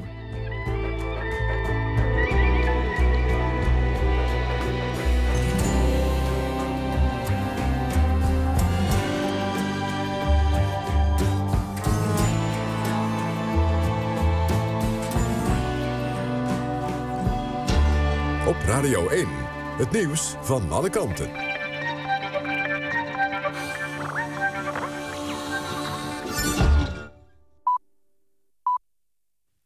Het is 1 uur, Waterwalgemoed met het NWS-journaal. Defensiepersoneel dat ziek is geworden door giftige verf... krijgt een schadevergoeding. Dat zei minister Hennis tijdens een Kamerdebat... over het gebruik van de kankerverwekkende chroomhoudende verf. Bijna 900 medewerkers van Defensie hebben zich gemeld met klachten... omdat ze jarenlang werden blootgesteld aan de verf. Voor het eind van het jaar wil minister Hennis de schadevergoedingen hebben geregeld. De vergoedingen zijn voorlopig... omdat het onderzoek naar de chroomhoudende verf nog tot twee jaar kan duren. Amazon is vanaf vandaag ook actief in Nederland. De grootste webwinkel van de VS begint met de verkoop van 20.000 Nederlandse e-boeken... via een Nederlandstalige website. De Nederlandse boekenwereld was al een paar jaar bang voor de komst van Amazon... dat bekend staat om zijn lage vergoedingen voor uitgeverijen. Volgens het Amerikaanse bedrijf is met de grootste Nederlandse uitgeverijen... inmiddels een akkoord bereikt. In de VS verkoopt Amazon veel meer dan alleen boeken... maar of dat ook in Nederland gaat gebeuren is nog onduidelijk. De Tweede Kamer heeft ingestemd met de uitzending van 100 militairen naar Afghanistan. Alleen de PVV en SP hebben grote bezwaren. Nederland gaat trainingen geven aan hoger personeel van de Afghaanse politie en het leger. Volgens minister Koenders is de missie veel meer dan eerdere Nederlandse bijdragen gericht op de eigen verantwoordelijkheid van de Afghanen.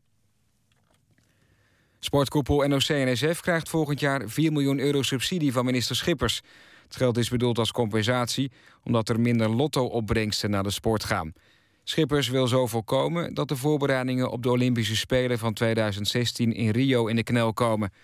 Volgens NOC-NSF helpt de minister de sport enorm met deze subsidie. Het weer nog. Vannacht zijn er wolkenvelden met plaatselijk wat lichte regen. Later in de nacht wordt het droog. De temperatuur daalt tot zo'n 8 graden. Overdag begint zonnig, maar smiddags en s avonds is er opnieuw wat regen en het wordt 12 graden. Dit was het NMS Journaal. NPO Radio 1. VPRO. Nooit meer slapen.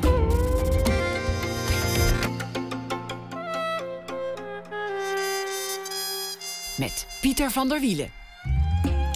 U luistert naar Nooit meer slapen. Uh, Maartje Wortel, die is uh, schrijver. Die heeft uh, boeken gemaakt. Dit is jouw huis, Half Mens, IJstijd. Heeft een enorme stortvloed aan prijzen over zich heen gekregen. En schrijft deze week elke dag een verhaal voor ons over de afgelopen dag. Maartje Wortel, goeienacht. Hallo Pieter, goeienacht. Vertel eens, wat, wat voor dag was het vandaag? ik was in Rotterdam bij de dag van het literatuuronderwijs. Dat is, daar komen allerlei leraren uit heel Nederland naartoe. En die gaan dan daar uh, luisteren naar schrijvers en wat liter eh, of literatuur nog belangrijk is. En ik moest daar optreden met Anno Soldaat. En verder was het een dag waarop in de krant stond dat uh, Bob, heet die Bob Geldof? Ik vergeet dat altijd een beetje. Maar die gaat dan weer een benefietplaat opnemen.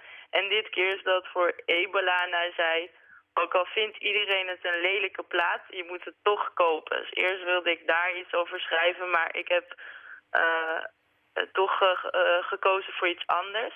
Zal ik het maar gewoon voorlezen? Ja, dat, dat kun je doen. Ik wil eerst even weten over die bijeenkomst. Want uh, oh, sorry, ja. om, om even voor de verandering gewoon ook eens een keer iets, iets, iets positiefs. Dat is, natuurlijk, dat is natuurlijk toch iets heel goeds, literatuuronderwijs. Hè? Dat, je, dat je die jeugd die zich eigenlijk alleen maar interesseert voor andere dingen toch af en toe een boek onder de neus smijt. En, en dat, dat, dat je daarmee activeert. En misschien gaat er eentje lezen. En dat is een verrijking van je leven. Dus dat is, er waren allemaal moedige, goede mensen met wie je daar stond, neem ik ja, aan. Ja, er waren allerlei docenten. En je hebt ook. Uh, uh, moet ik het, ja, je hebt, ze, ze, hebben daar steeds hebben om het half jaar hebben ze of de dag van literatuuronderwijs of de dag van de literatuur. En op de dag van de literatuur komen dan allemaal leerlingen van 15 jaar ongeveer. En daar ben ik ook wel eens geweest. Dat is eigenlijk nog leuker, want die moeten zich daar speciaal voor inschrijven. Dus die zijn dan, en er zijn dan echt duizend jongeren die heel graag willen lezen. En dat is wel toch wel mooi en bemoedigend om dat te zien. Nou, en dan, uh, dan Bob Geldof, die maar voor de zesde keer toch maar weer een, een singeltje opneemt voor het goede doel. Daar kan je ook niks op tegen hebben. Hè? Als iemand dat koopt en het geld komt daar terecht. Prima nou, toch? Ja. Als ik het liedje maar niet hoef te horen. Maar goed, ik ben nu benieuwd naar je verhaal. Ga je gang. Oh, Oké. Um, ja, moet ik... Uh, ja, ik vertel zo wel. Ook bij hen gaat het zoals het altijd en overal gaat. Haar man zegt dat ze op moet schieten, zij treuzelt. Ze bekijkt zichzelf in de spiegeling van de ruit, tuit haar lippen en kampt traag haar haar. Ze zullen heus niet zonder mij beginnen, zegt ze kalm. Ik heb gewonnen. Maar dat weet je nu toch nog niet, zegt haar man. Ze lacht. Nee, dat weet ik inderdaad nog niet. Opschieten dus, zegt hij. Hij staat met de afstandsbediening in zijn hand voor de televisie. Zep langs de kanalen, laat hem staan op NPO 3. Nog steeds zwart. Wat, vraagt ze? De pieten zijn nog steeds zwart. Hij wijst naar het beeldscherm. Zij zucht, stopt met kammen en zegt... Oh nee, is het al zo laat? Laten we gaan. Straks bedenken ze zich en dan geven ze de prijs alsnog aan een van die andere vrouwen. Ongelooflijk, zegt haar man. Ze hebben het niet aangedurfd. Het is fucking ongelooflijk. Weet je wat ik laatst iemand hoorde zeggen, zegt hij? De werkelijkheid is datgene wat je aan kan. En mensen kunnen niet tegen verandering, dus alles blijft eeuwig hetzelfde. Sinterklaas zei net ook zoiets. Lieverd, vind je het heel erg als ik nu even niet met je over de werkelijkheid of verandering... of over een oude man met een mijter op zijn hoofd praat? Ik moet een prijs ophalen. Oké, oké, zegt hij. En hij kijkt haar glimlachend aan. Een prijs ophalen dus. Ja, zegt ze, maar we mogen niets laten merken hè, straks, want uh, we weten het eigenlijk nog niet. Nee, zegt haar man. Natuurlijk, dat, we, dat weten we nog niet. Wij weten van niets. En hij denkt, dat zal nog wel even zo blijven. Dat zal nog wel even zo blijven. Mensen houden niet van verandering. Ja, die, het Zwarte Piet-debat, het komt heel zijdelings langs. Ja. En, en iedereen die er iets over zegt, die krijgt meteen zo'n storm van ellende over zich heen. Ja, je krijgt meteen doodsbedreigingen. Ja, dat is ook weer zo wat, toch? Dood. Dat is ook weer zo wat. Ja, dat is ook weer niet echt nodig, nee. Maar en daardoor durft niemand de volgende stap te zetten, namelijk pleiten voor het afschaffen van Sinterklaas. Precies, maar ja, oh ja, oh, jij gaat zelfs zo ver. Nee, nee, ik, ik zeg dat bij nadruk niet voordat ik eh, word opgehangen of gelinst. ja, ja, het hele feest meteen. Ja, dat zou wel eigenlijk de beste oplossing Tuurlijk. zijn. Tuurlijk, gewoon, gewoon, die, die, gewoon dat hele feest. Dan, ik bedoel, geen Zwarte Piet, dan ook geen Sinterklaas. En ook geen wit paard en ook, ook geen cadeautje in je schoen. Gewoon dan maar, helemaal zie het wel positief in. Want ik denk dat misschien, ja, maar misschien ben ik daar iets te, ben ik te naïef. Maar ik denk dat ze toch nog wel op de proppen gaan komen met gekleurde pieten. Want er is ook, ik heb net het Sinterklaasjournaal gekeken. En uh, op uitzending gemist. En er zijn nu gaat, uh, er zijn pieten en die hebben gaatjes in de boot geboord. Dus ik denk dat er dan uh, dat de boot overstroomt of zo. Ik heb goede, goede hoop toch nog. En dan daarna kunnen ze misschien het hele Sinterklaasfeest af gaan schaffen. Maar dan, dan, daar ben ik niet voor hoor, Pieter. Nou ja, iedereen moet eigenlijk alles uiteindelijk lekker zelf weten. Maar ik, aan mij heb je gewoon een slechte. Ik bedoel, ik hoef ook geen taart op mijn verjaardag. En ik wil ook geen rotjes met nieuwjaar. En ik hoef, ik hoef eigenlijk helemaal niks als het over tradities gaat. Persoonlijk, hè. Wat de rest doet, doet allemaal lekker zelf. Ja, maar ja. maar zo'n scriptschrijver van het Zwarte Pietersjournaal... daar heb ik wel echt mee te doen. Dat je dus op een creatieve, leuke manier voor kinderen in, in zo'n zo'n zo'n mijnenveld moet begeven. Ja, maar het was nu ook eigenlijk echt, ik vond het wel heel leuk om te zien. Ik had echt al natuurlijk, ik, ik heb het eigenlijk nog nooit gezien. Maar ik vond het heel leuk om te zien, want dit, dit uh, journaal was speciaal voor de ouders. Want het werd de hele tijd benadrukt van ja, het is lekker, gezellig, ouderwets. En oh, misschien gaat er nog iets Dus ze gingen heel erg zo vertellen, de ouders eigenlijk koest houden. Het was totaal niet voor de kinderen. Maar dat was juist wel mooi om te zien. Ja, want uiteindelijk hebben ouders kinderen nodig om ze een beetje koest te houden. Ja, en ook dat hele Sinterklaasfeest. Die kinderen maakt het echt niets uit of, of zo'n Piet nou zwart is of geel. Als hij maar betaalt. Als hij maar gewoon chocoladeletters uitkeelt. gewoon uh, cadeautjes in je schoen stopt. Dus het is dan vooral zo dat die ouders zich er druk om maken. Wat ik wel heel interessant vind. Want dan denk ik, wat maakt het jullie allemaal uit, joh. Maar goed, uh, we krijgen waarschijnlijk vannacht allebei duizenden doodsbedreigingen. En ik verheug me er nu al op. Nou, dat, dat, zeg je nou wel, maar ja. ja, ja, nee, nee, nee. Maar, uh, want het ging ook zijdelings even over, over Maria Barnas. Die heeft de Anna Bijnsprijs gewonnen met uh, haar dichtbundel Ja, ja, de oerknal. Waar ik heel blij mee ben, want dat vind ik een heel goede bundel. En over, over doodsbedreigingen gesproken, dat stond op, op de website van NRC. En dan zijn er meteen allemaal mensen die dan daaronder gaan reageren van oh, zo'n vrouwenprijs en ik ga dat niet lezen. Of gewoon nare dingen eronder zetten. En dat vind ik ook zo'n heel fascinerend fenomeen. Dat mensen daar allemaal zo keihard op ingaan. Ja, nou ja, ach, misschien is dat het enige wat Twitter ons geleerd heeft. Dat niet iedereen even leuk is. Nee, precies. Maartje Wortel, dank je wel. Een hele goede nacht. nacht. Ja, jij ook.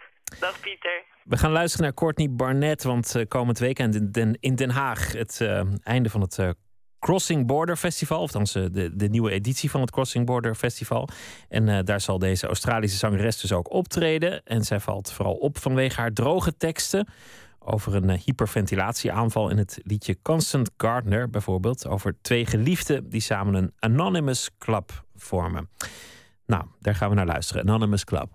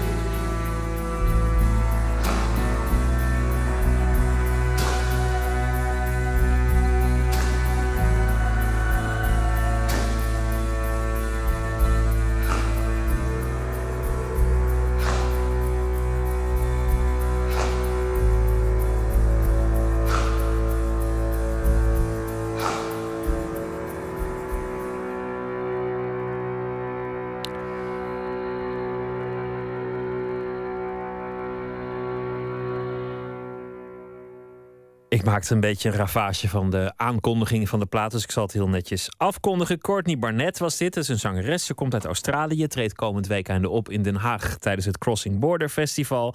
Valt op vanwege droge teksten en dit liedje heette Anonymous Club, gaat over twee geliefden die samen hun eigen anonieme club vormen. En ze heeft dan ook andere liedjes over hyperventilatieaanvallen, maar dat was niet deze. Nooit meer slapen.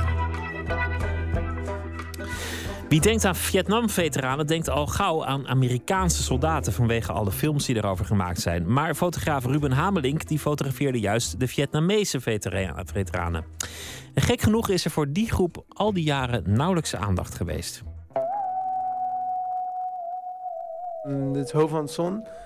Hij, hij, hij leeft echt nog heel erg in die tijd. Echt alsof het gisteren is uh, gebeurd. Thuis heeft hij een, een, een, prikbord hangen met allemaal foto's van martelingen. Gewoon omdat hij nog zo erg in die tijd leeft. Dat hij continu bewijst zeg maar, aan zichzelf of zo dat het zo gruwelijk was. Elk verhaal waar, wat hij vertelde was echt was gruwelijk. I wanted a mission for my sins. They gave me one. Nobody had ever gone on a mission like it before. And when it was over, I'd never want another one. Apocalypse Now natuurlijk, Full Metal Jacket, Born on the 4th of July en Good Morning Vietnam. Ons beeld van de Vietnamoorlog is enorm beïnvloed door Amerikaanse films. Films waarin het steeds gaat over Amerikaanse militairen. Ruben Hamelink fotografeerde die andere Vietnam-veteranen. De Noord-Vietnamese mannen en vrouwen die in de 20e eeuw maar liefst vier oorlogen uitvochten.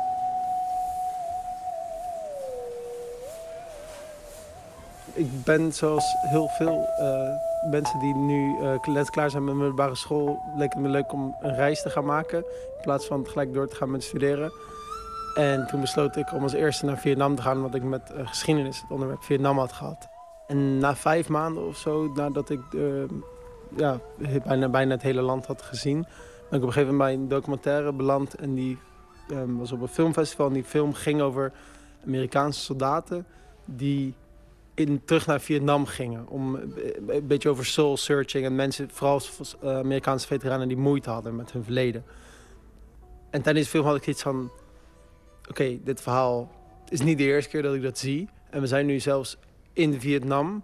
En de media-aandacht gaat voor Amerikaanse soldaten en hoe moeilijk zij het daarna hebben gehad. Zelfs daar gaat het dus over het leed van Amerikanen. Ja, precies. En ik, het was echt een hele toffe documentaire. Het was, het was veel beter dan dat het nu klinkt. Maar het, ik ging wel een beetje met het idee met, weg met het idee van... Huh? Ruben Hamelink is 22 en leerde zichzelf fotograferen via instructiefilmpjes op YouTube. Hij werkt in Rotterdam vanuit een loods waar vooral meubelmakers werken. Helemaal achterin fungeren een paar zwart geschilderde houten schotten als doka. Hamelink ziet er jongensachtig uit met zijn lange haren verscholen onder een muts. Maar zijn portretwerk is zeer volwassen. De getekende gezichten van de Vietnamese veteranen vullen het hele beeld. En Hamelink liet ze strak in de lens kijken. Ja, om eerlijk te zijn, tijdens de eerste, eerste reis had ik eigenlijk vooral het idee: um, dit, zijn, dit zijn slachtoffers. quan tâm đến cuộc chiến giữa Mỹ và Việt Nam, đặc biệt là giữa Mỹ. De eerste drie, vier die ik had ontmoet, die waren ook zo. Die was, eentje was heel erg verbrand geweest, eentje had hele... Was, had bijzonder slechte ervaringen gehad, zeg maar. Dus die waren allemaal heel erg uh, negatief uh, terugkijkend. En toen ik verder ging met het project, de tweede reis... ontmoette ik ook steeds meer mensen die echt met zoveel trots praten... waardoor ik eerst het idee had dat ik niet doordrong in de interviews of zo... maar eigenlijk gewoon erachter kwam dat het niet zo simpel was als uh, alleen verdriet.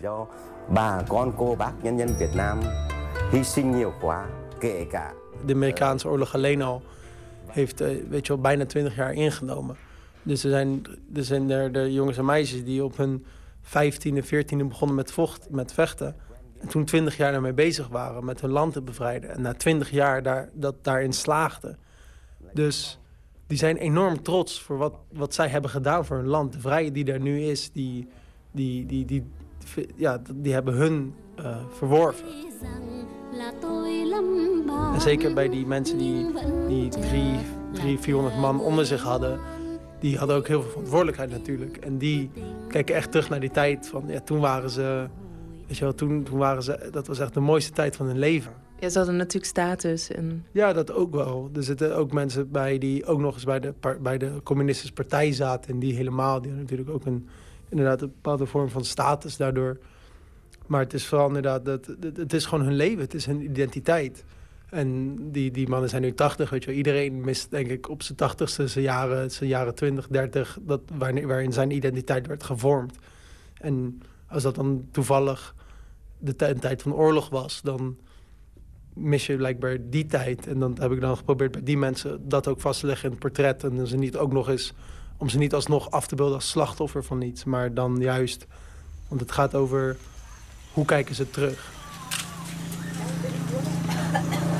Tijdens die eerste reis had ik van tevoren nog helemaal niet bedacht om dit project te gaan doen. En ik had al wel vrij snel door hoe ik het wou doen. Ik, ik, um, waarom ik zo dichtbij wou, waarom ik dit soort licht wou. En ik had vrij snel door dat ik het precies zo wou doen. En toen dacht ik, ja, ik heb helemaal geen studiospullen bij me. Dus eigenlijk kan ik het helemaal niet doen. En toen ben ik wat gaan opzoeken. En eigenlijk het zijn best wel veel dingen die in de studio worden gebruikt... makkelijk zelf te maken. En de, ja, er is iets wat een beauty dish heet. Dat is eigenlijk, het is, eigenlijk is het gewoon een kom met een gat erin... waar een flitser in steekt. Die dan terugreflecteert erin en dan het licht um, wat zachter, uh, toch met een soort van harde kwaliteit verspreid. En hoe had je dat gemaakt? Um, van een metalen kom die ik daar heb uh, die gekocht op een markt. En toen naar een lasser gegaan en met heel veel uh, handgebaren uitgeprobeerd te leggen... of die alsjeblieft een gat kon maken in mijn kom. En die heb ik toen uh, meegeshout door het hele land om te gebruiken. Zwart t-shirt op de achtergrond als achtergrond. Linh sao vừa rồi nó sao vừa rồi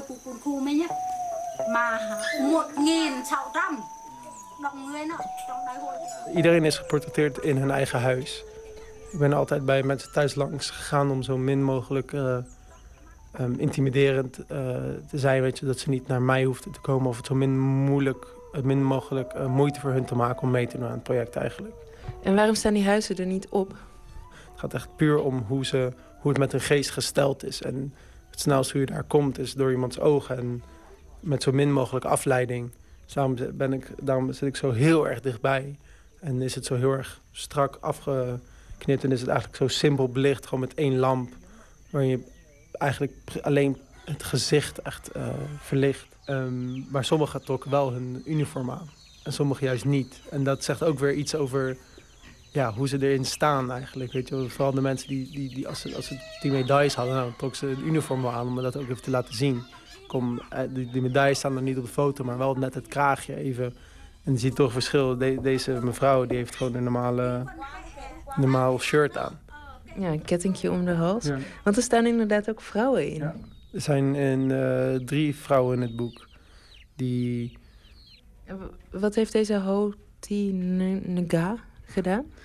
Zij was eigenlijk verpleegster tijdens de oorlog. Maar als je verpleegster bent, dan, dan betekent eigenlijk dat je aan de ene kant je verpleegkit hebt... en aan je andere schouder hangt gewoon je wapen.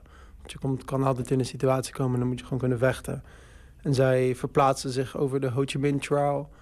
om ja, van, van veldhospitaal naar hospitaal om uh, daar te werken... en tussendoor verwikkeld te komen in veldslagen en dat soort dingen. Ik zit heel erg te kijken hoe ze nou op deze foto staat. Of ze nou treurig is of toch ook wel ik, ik, ik vrolijk. Vind heel erg, ik vind haar heel erg strijdlustig. En zij was een... Ze heeft wel een soort twinkeling of zo, ja, hè? Ja, het, echt, het was een hele, was een hele interessante vrouw sowieso... die tegelijkertijd hele mooie verhalen vertelde over de oorlog. Echt over hoe, ze, hoe je dan leeft als mens. En maar ook, ja, weet je, zoals allemaal, gewoon ook echt hele ja, gruwelijke verhalen die best wel heavy waren.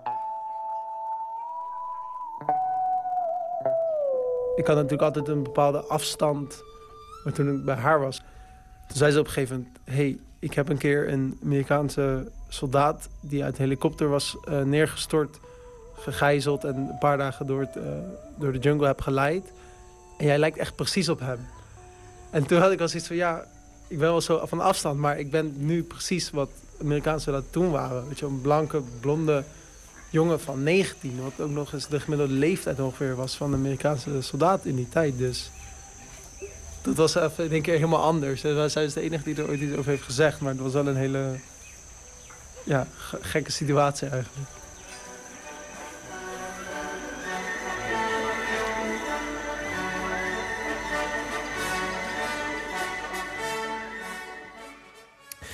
Fotograaf Ruben Hamelink over zijn boek Vietnamese veteranen.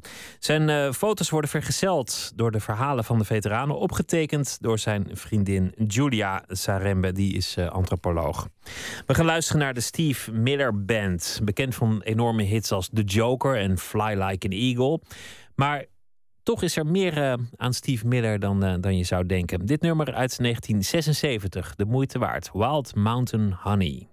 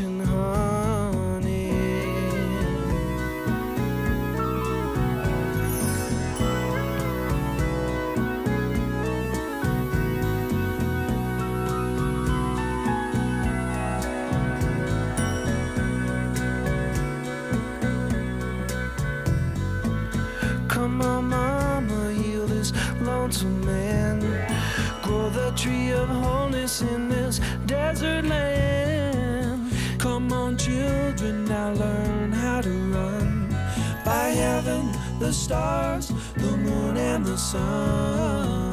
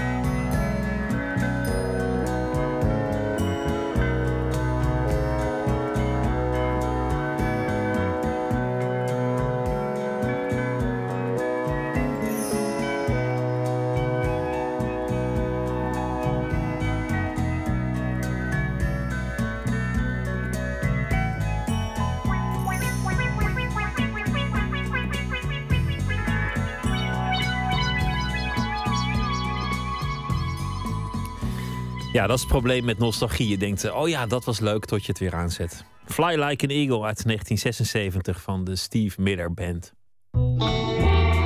Nooit meer slapen.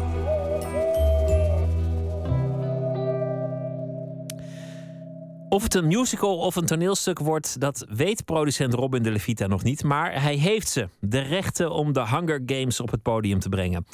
Botte Jellema, onze nachtcorrespondent, weet er vast alles van. Botte, ik heb eh, Robin in mei te gast gehad in dit eh, programma. Toen ging het over Anne.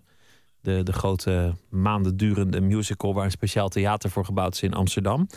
Wist hij dit toen al eigenlijk? Nou, het zou zomaar kunnen, maar hij is in ieder geval benaderd door de mensen van de Hunger Games. Ik kon hem aan het begin van deze avond even spreken. Laat ik je straks het nodige van horen. Maar eerst wil ik je even iets meer vertellen over waar we het nou over hebben.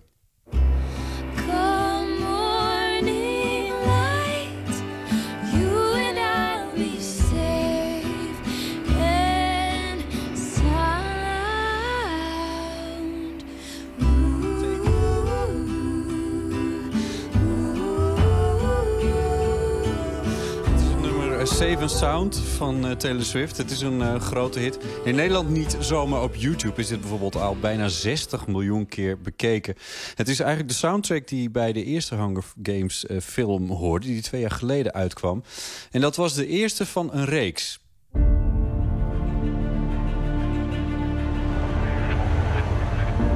I never wanted any of this.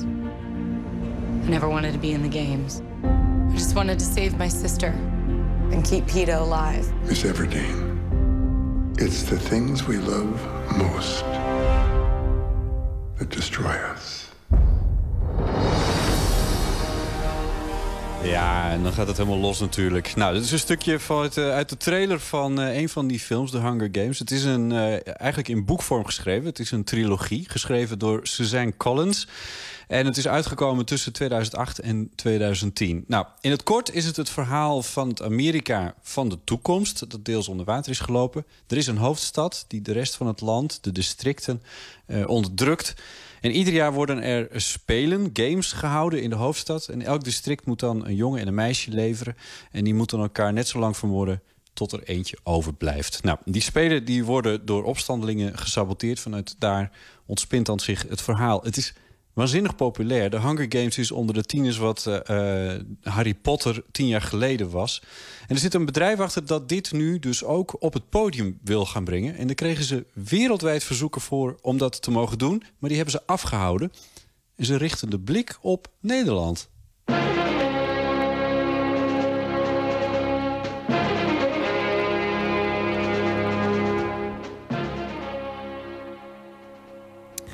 Ja, Soldaat van Oranje. Want uh, een gigantisch succes, de musical. Yep. Te zien bij uh, vliegbasis, voormalig vliegbasis Valkenburg. Sinds, wat is het, 2010 alweer, zo al een aantal jaren ja. bezig.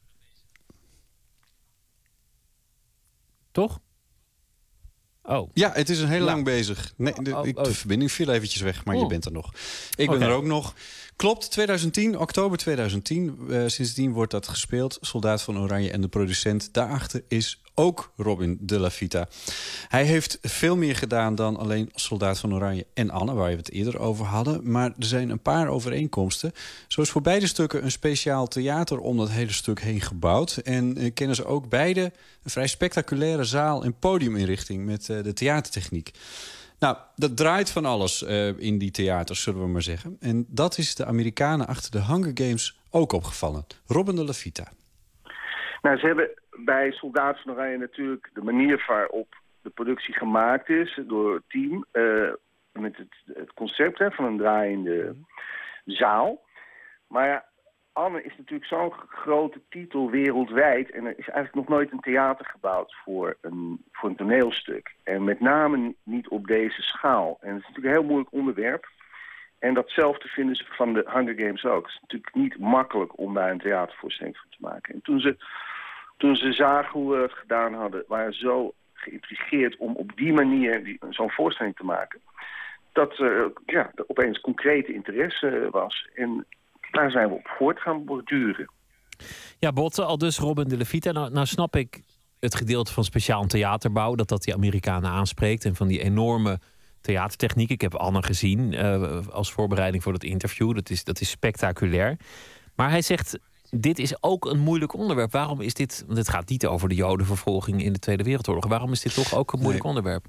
Nou, wat in de Hunger Games gebeurt, dat is allemaal fantasie, dat klopt. Het, maar het gaat wel ook over consequenties uh, van oorlog, van onderdrukking. En heeft een tienermeisje in de uh, hoofdrol. Dus um, vanuit het perspectief van het theatraal vertellen van een verhaal... zijn er uh, overeenkomsten. En dat heeft de Levita hier in Nederland dus maar mooi opgezet en ontwikkeld. En bij Anne was het opgevallen doordat het in de internationale pers zulke goede besprekingen kreeg. Ja, de uh, Soldaat van Oranje. Uh, Anne, was dus Robin de Levita als producent, maar dan een, regisseur en theaal, the, hoe heet het, toneelbouwer die, die uit de andere hoek kwamen, namelijk van het Nationale Toneel. Hoe gaan ze dat, ja. dat dit keer doen? Wordt het, wordt het meer de musical hoek of, of toch weer echt echte theatermakers? Nou ja, hij wilde daar nog niets over zeggen. Het, het klinkt wel logisch om dat te doen. eh, om diezelfde makers van het Nationale Toneel hier ook weer bij eh, te betrekken. Maar ehm, ja, dat, wat het, het, het concept spreekt de makers van de Hunger Games aan. Dus dan hoort dat er ook een beetje bij. Maar de andere kant is dat dit juist allemaal gaat gebeuren in Londen en niet in Nederland. En Londen heeft natuurlijk ook waanzinnig goede theatermakers. Robin heeft Suzanne Collins, de schrijfster, ook ontmoet. En ik vroeg eventjes hoe dat was. Ik heb haar gevraagd, als, weet je, als, als je je ogen dicht doet, wat zie je dan? Ja. En, eh, en dat, want het is natuurlijk niet, het is best wel een ingewikkeld eh, proces. En is het op één of op de drie boeken gebaseerd. Dat soort discussies hebben we heel lang over gesproken. En zij wil alleen maar helpen. Ze weet niet of ze mee gaat schrijven. Maar dat hoop ik natuurlijk heel erg. Ja, nou ja, een leuke ontmoeting, zegt Robin. Het zijn behoorlijk dikke boeken en ook nog eens een trilogie waarin ongelooflijk veel gebeurt. Dus ja, eh, Robin die wist, eh, wist nog niet eh, hoe dat hij dat straks op het podium gaat brengen. Maar hij weet al wel wanneer dat gaat gebeuren. En hij wilde ook al iets zeggen over de hoofdrolspeelster. Het is in eerste instantie denk ik niet onze ambitie om een, om een ster aan te trekken. Maar we sluiten natuurlijk ni- niets uit. Maar ik geloof er zelf heel erg in dat als je nieuwe acteurs vindt voor een rol... net als bij Anne hebben we ook een actrice die niemand kende... eh, Rosa de Silva eh, gevonden. En het grote voordeel daarvan is dat als je naar haar kijkt... dan zie je dus de rol. Dan zie je dus de rol Anne en niet de actrice. En dat is voor mij eigenlijk een heel groot voordeel. Zodra we team hebben, gaan we aan de casting beginnen. En dat gaan we natuurlijk in Londen casten. Daar zal een heleboel aandacht voor zijn. Ik krijg nu al heel veel e-mails van agenten en van acteurs, maar ook van regisseurs, om eraan te werken. Wat leuk. nieuws naar buiten is, dat is heel grappig. Heel grappig. Dat- Dat is het wonderlijke aan deze man. Hij is toch heel laconiek. Terwijl, bedoel, hij heeft op Broadway dingen gedaan. Hij heeft een eigen theater mogen bouwen voor twee producties in Nederland. En dit klinkt als een soort giga-opdracht. En dan, dan blijft hij er zo cool onder.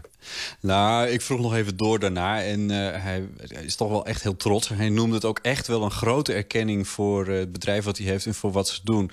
En als je het mij vraagt, is dit ook behoorlijke erkenning voor wat de Nederlandse theaterwereld allemaal heeft eh, opgebouwd in de afgelopen jaren. En dan komt er dus een nieuw theater ergens in Londen, weet je al waar. Ja, bij het eh, Wembley Stadion is het bedoeling. Eh, dat moet er in het voorjaar van 2016 staan. Een, eh, een hagelnieuw theater wat hier dus om dit verhaal heen wordt gebouwd. Hoe dat eruit komt te zien, daar weten we nog niets van. Dat weet denk ik Robert de La Vita zelf, Robin de La Vita zelf ook nog niet.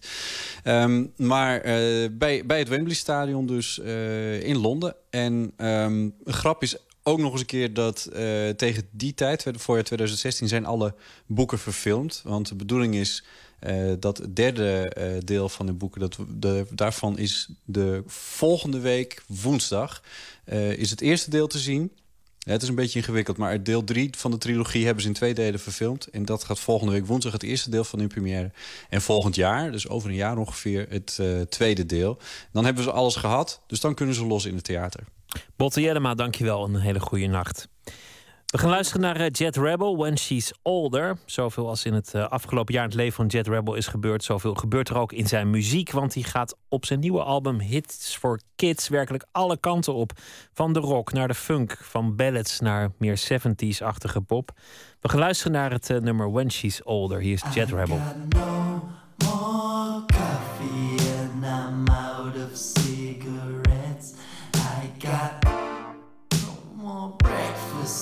Could really use some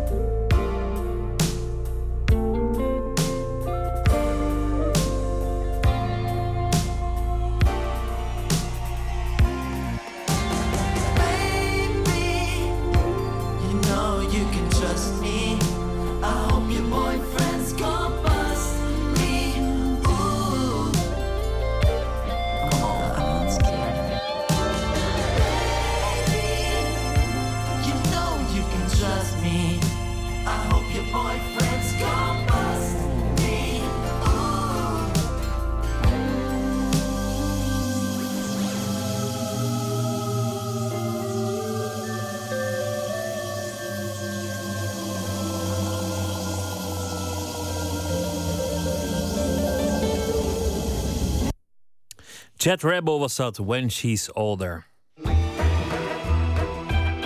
Nooit meer slapen. Terwijl veel dansgezelschappen met moeite de zaal vol krijgen, trekken de voorstellingen van Isabel Beernaerts standaard heel veel publiek. De Vlaamse choreografe maakt altijd moderne dansstukken met een autobiografische inslag. In Nederland won ze zowel in 2012 als in 2013 de Danspublieksprijs. Komende donderdag gaat haar voorstelling Glass in première. Verslaggever Nicole Terborg was bij de try-out in Schiedam in Theater aan de Schie. Het is niet negatief bedoeld, hè, maar zij is de creator van al dat wat gebeurt op het, de scène. Dus zij moet daar werkelijk boven staan. Personen in de zaal moeten echt voelen van... oh, zij is de persoon die dit allemaal voelt of denkt en organiseert, weet je? Ik ben, ik ben als klein meisje gaan beginnen dansen en in de beweging geweest, omdat ik eigenlijk dingen in beweging wil zetten. Dus ik wil niet alleen mensen in beweging of mezelf in beweging zetten. Ik, ik, ja, ik heb het gevoel dat het groter is dan dat. Ik heb het gevoel ook, ik, ik werk met dansers, maar het gaat niet alleen om die danspas. Het, gaat over veel meer. Die moeten zichzelf echt helemaal investeren. Die moeten helemaal alles gaan beleven.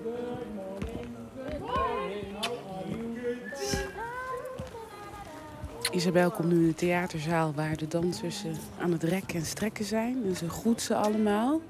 Ze geeft ze allemaal een zoen. En zeker, je komt met de twee voetjes op dat wit tapijt en dan moet je echt zeggen van dit is nu mijn wereld en nu mag ik eigenlijk echt staan. Glass gaat over eigenlijk eh, de mensheid en het leven, de breekbaarheid. ehm, dat je altijd scherp in het leven moet staan. En ehm, de voorstelling is eigenlijk transparant. Dat wil zeggen dat je alles mag zien en alles mag horen en alles mag voelen. Eh, dus dat zijn die drie woorden voor mij zijn glaas. Ja, ik heb, ik heb gekeken en het liep, al, eh, het liep allemaal echt goed. Ik denk qua dans, ik weet niet hoe jullie het ervaren hebben, maar qua dans... Het is een van de eerste keren in mijn leven dat ik binnenin een, een soort tevredenheid voel van, van wat ik eh, gecreëerd heb. Ja. Er zijn hiervoor al drie andere dansvoorstellingen te zien geweest in de Belgische en Nederlandse zalen. Hè. De Me Quitte Pas, Et Pris, Red, Yellow en Blue. En nu dus Glass. En je zegt het is de eerste keer dat ik met een soort tevredenheid begin. Ja, een artiest is altijd kritisch. Hè? En ik denk dat je door kritisch te zijn, blijf je groeien. En, maar ehm, ik ben ook heel perfectionistisch op dat punt. Maar ehm, ik, heb, ik heb deze keer op een heel andere manier te werk gegaan. Ik heb niks geforceerd. Ehm, ik heb alles eigenlijk sinds maart laten komen. Het is een proces van negen maanden geweest. En het is letterlijk, ja, ja het babytje is er. En dan, ehm Niki, ik denk ehm, op het moment dat je die, die muur open doet, dan komt er een zin. Kan je wachten totdat die zin helemaal geschreven is? In Glass zien we 14 dansers op het podium. En het begint met eh, jou als danseres in een zwarte jurk met eromheen een bordeaux mantel die over de grond sleept. Dan zien we een witte muur met daarachter een witte glazen huis. En de danseres die gaat naar binnen. En dat huis staat voor, voor jou, voor jouw gedachten. Hè? Want het is ontstaan vorig jaar toen jij een aantal keer gevraagd werd... hoe gaat dit dansproces, toch? Ja. Ja, ik, eh, verleden jaar moest ik heel veel inleidingen geven. En de vraag kwam heel tijd terug van waar haal je je inspiratie? Hoe doe je dat? Hoe creëer jij? En dat, eh, het idee is dan gekomen van... Oké, nu ga ik een voorstelling maken van... Kom mee naar binnen. Kom mee naar binnen in mijn hoofd. Kom mee naar binnen in mijn hart. En je danst zelf. En dat is natuurlijk niet gebruikelijk als choreograaf... dat je als eerste daar op het toneel staat... en jouw verhaal vertelt op die manier. Sowieso, ik had nooit gedacht dat ik opnieuw daar ging staan. Maar ik ga ook niet het 60 voorstellingen dansen. Ik heb ook gezocht naar iemand die mijn rol ook kan uh, interpreteren in de andere voorstellingen. Ik zal selectief een paar voorstellingen dansen, omdat het effectief mij is. Het, het, het vertegenwoordigt mij. En um, ja, het is niet vanzelfsprekend, maar ja, mits dat ik jullie meeneem in mijn hoofd en in mijn gevoel, vond ik het niet meer dan normaal van het een paar keer te doen ook. Um, omdat het dan echt is, ja. Il faut que sentiment que tu, que tu te bats contre ça et que, tu bouges et que, que tu essaies de rester forte. Tu comprends? Mais pas stiff, hein? niet stijf, hein? maar you try to fight it in yourself, not against him. Ik ben begonnen in maart met uh, heel bewust maar met zes dansers. En dat was in een heel kleine studio, dat was ook heel bewust. Om heel dicht, dicht bij hen te komen, om een soort comfortzone te creëren. En dan uh, geleidelijk aan op het pad zijn er dansers bijgekomen die ik toevallig terug tegenkwam. Dus ik heb totaal geen audities gedaan. Ik heb letterlijk gezegd, ik begin met zes en ik kijk wie op mijn pad langskomt. Ik heb ze eigenlijk heel veel gevraagd. Ik, ik heb ze niet alleen gevraagd van te komen, pasjes aan te leren en terug naar huis te gaan. Dat heb ik niet gevraagd. Ik heb gevraagd voor een volledige blootstelling van alles. Wat ik wel vind, is dat je nog ook, ook hoe, hoe, klein in gestalte je bent, meis, je mag nog wat groter zijn. Ja, ik voel. Nee, ja, wel, dat is een heel goede vraag. Het heeft niks te maken met lengte en leeftijd. Het heeft te maken met kracht. Jij vraagt altijd heel veel van je dansers om zich helemaal over te geven. Dichtbij te zijn, fysiek, maar ook alles te delen, hun kwetsbaarheid, alles. Waarom is dat altijd nodig? Of is dat misschien het geheim waarom zoveel mensen in het publiek zitten met tranen? Ja, ik denk, ik denk dat het een te moet zijn op het toneel om het publiek een beetje te raken. Dus als wij te subtiel te werk gaan, dan, dan gaat het publiek ook niet, geen voldoening hebben. Want ik zeg altijd aan mijn dansers, ga er helemaal voor. Smijt u, ga over de grens van uw mogelijkheden, omdat je dan pas, als je dat bewust bent geworden, kan je dan pas de hulde middenweg zoeken. Maar hoe doe je dat? Hoe doet een danser dat? Wat is dat? Um, ja, iedereen zit met angsten en, en, houdbaarheid en regels en wetten. En ik vraag van, smijt dat allemaal open. En, en ja, ik prikkel dingen aan. En ja, ze kunnen bijna, als, als ze geloven in wat ik doe, kunnen ze bijna niet anders van zich volledig over te laten. En dan schrikken ze soms van zichzelf. En dan zeg ik, nu kan het echte werk beginnen. Omdat het, alle, het ballonnetje is doorgeprikt. En waar andere uh, gezelschappen hameren op ervaringen van dansers, neem jij heel vaak het risico om aan de slag te gaan met dansers die aan het begin van hun carrière staan. Ik neem dat risico, maar ik denk dat dat geen risico is, omdat uh, mensen, bepaalde jonge mensen, hebben een soort potentieel, kracht in hen. En ik zie dat. En um, voor mij is het dan, voor mij is dan niets te veel om daaraan te werken. Er is niets te veel om daar mijn energie in te steken. Maar het enige probleem is, wil die andere persoon dat wel? En dat probeer ik nu meer en meer echt te voelen. Want iemand die komt, daarom heb ik geen audities gedaan. Iemand die gewoon komt om zijn job te doen als danser en dan weer naar huis om centjes te verdienen. Gewoon zwart-wit zo, dat, dat werkt bij mij niet. Het is een, een volledige beleving, een volledige investering van zichzelf en willen groeien. Uh, kijk hoe dat Dimitra nog gegroeid is. Kijk hoe dat Niki gegroeid is. Voor mensen die ze kennen. Ik bedoel, het is niet voor niets dat ik dat zeg. Het kan. Het kan. Je, je kan. Als je jezelf toelaat, kan je je veel sneller daar staan. Hoe, hoe jong of, of hoe oud of wat dan ook je bent. Dat heeft daar totaal niets mee te maken. Ik stel me open en ik vraag dingen, maar ik kijk ook naar het individu voor mij. En ik, ik kijk, wat heb jij te vertellen? En samen gaan we naar een proces. En ja, uiteraard zijn er heel veel choreografieën die van mij uitkomen. Daarom heb ik zo lang gestudeerd. Daarom heb ik zo'n woordenboek aan, aan pasjes, zal ik zeggen. En kan ik die kennis geven aan mijn dansers, maar ik, ik geef ze altijd de opportuniteit van zelf te ontwikkelen ook. En dat vind ik super, super belangrijk. Anders, anders werkt het maar, het is anders eenrichtingsverkeer. En daar doe ik niet aan mee. Het is zo dat veel dansgezelschappen het moeilijk hebben om volle zalen te trekken. Hoe kan het dat, jij bijvoorbeeld twee keer de publieksprijs gewonnen, dat jij een breed publiek aanspreekt, maar ook heel veel volle zalen trekt? Waarin zit dat verschil? Wat is dat? Ik wint geen doekjes erom. Ik ben oprecht. En, en als je een gevoelens wil teweegbrengen, dan gaan die echt gebeuren op scène. Het is niet zo met een soort afstand, zoals bij het ballet, bij het klassieke ballet, dat het heel hautain is en op afstand met heel veel respect en niet te veel tonen. Weet je, net genoeg opgelet, want anders wordt het te fragiel. Weet je, en dan word je, ja, dan word je gekwetst of zo. Dat doe ik niet. En dan, ik denk dat de postmoderne dans van nu dit ook een beetje doet. Die vluchten ook. Die, die steken alles in vormen en lijnen en ehm, surroundings en sounds. En dus eigenlijk vluchten die ook van wat de realiteit is. En dat doe ik net niet. Als een danser voelt dat hij moet schreeuwen op het podium, dan mag hij dat doen. Hij moet dat niet doen. Ik train ze zodanig, ik ga zo diep met hen te werk van dat ze puur zijn op het toneel.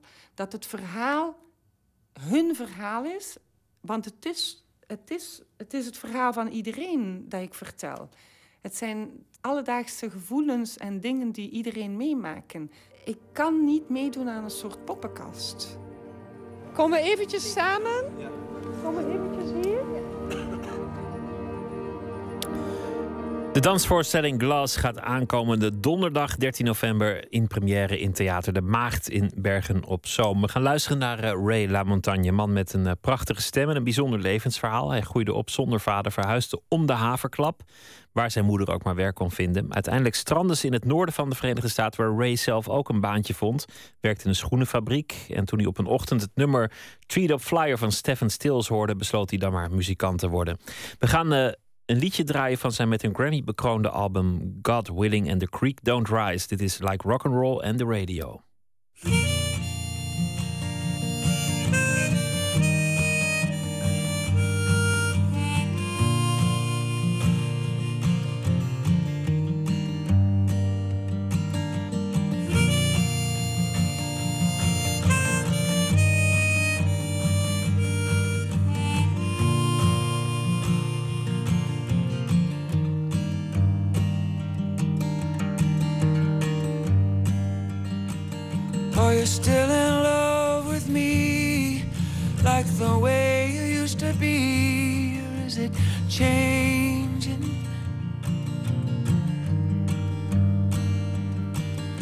Is it deeper over time like the river that is winding through the canyon?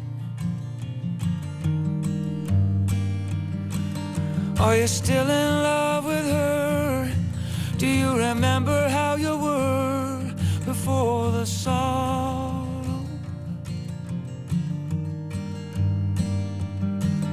Are you closer for the tears, or has the weight of old years left you hollow?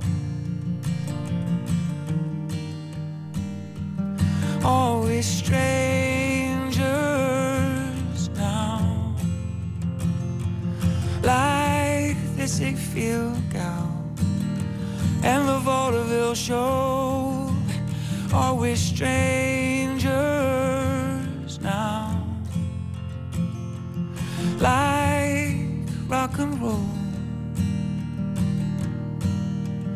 And the radio.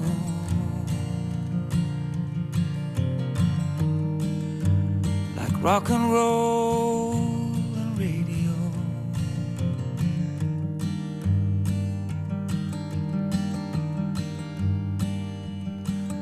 I can see you lying there, tying ribbons in your hair.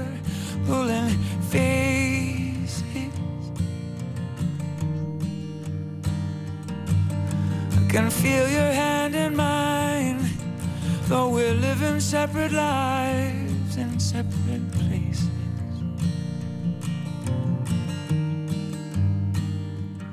Always strange. Ray LaMontagne live rock and radio was dat. Nooit meer slapen was dit voor eh, deze nacht. Morgen komt uh, Wilmiat Otto te langs. hij is ehm, dichter en schrijver en eh, we gaan het hebben over eh, tal van belangwekkende dingen. Dat allemaal morgen. Voor nu een hele goede nacht en morgen een leuke dag. En eh, straks op Radio 1 eh, WNL met Nog Steeds Wakker. Ik wens u een eh, hele goede nacht en graag weer tot morgen.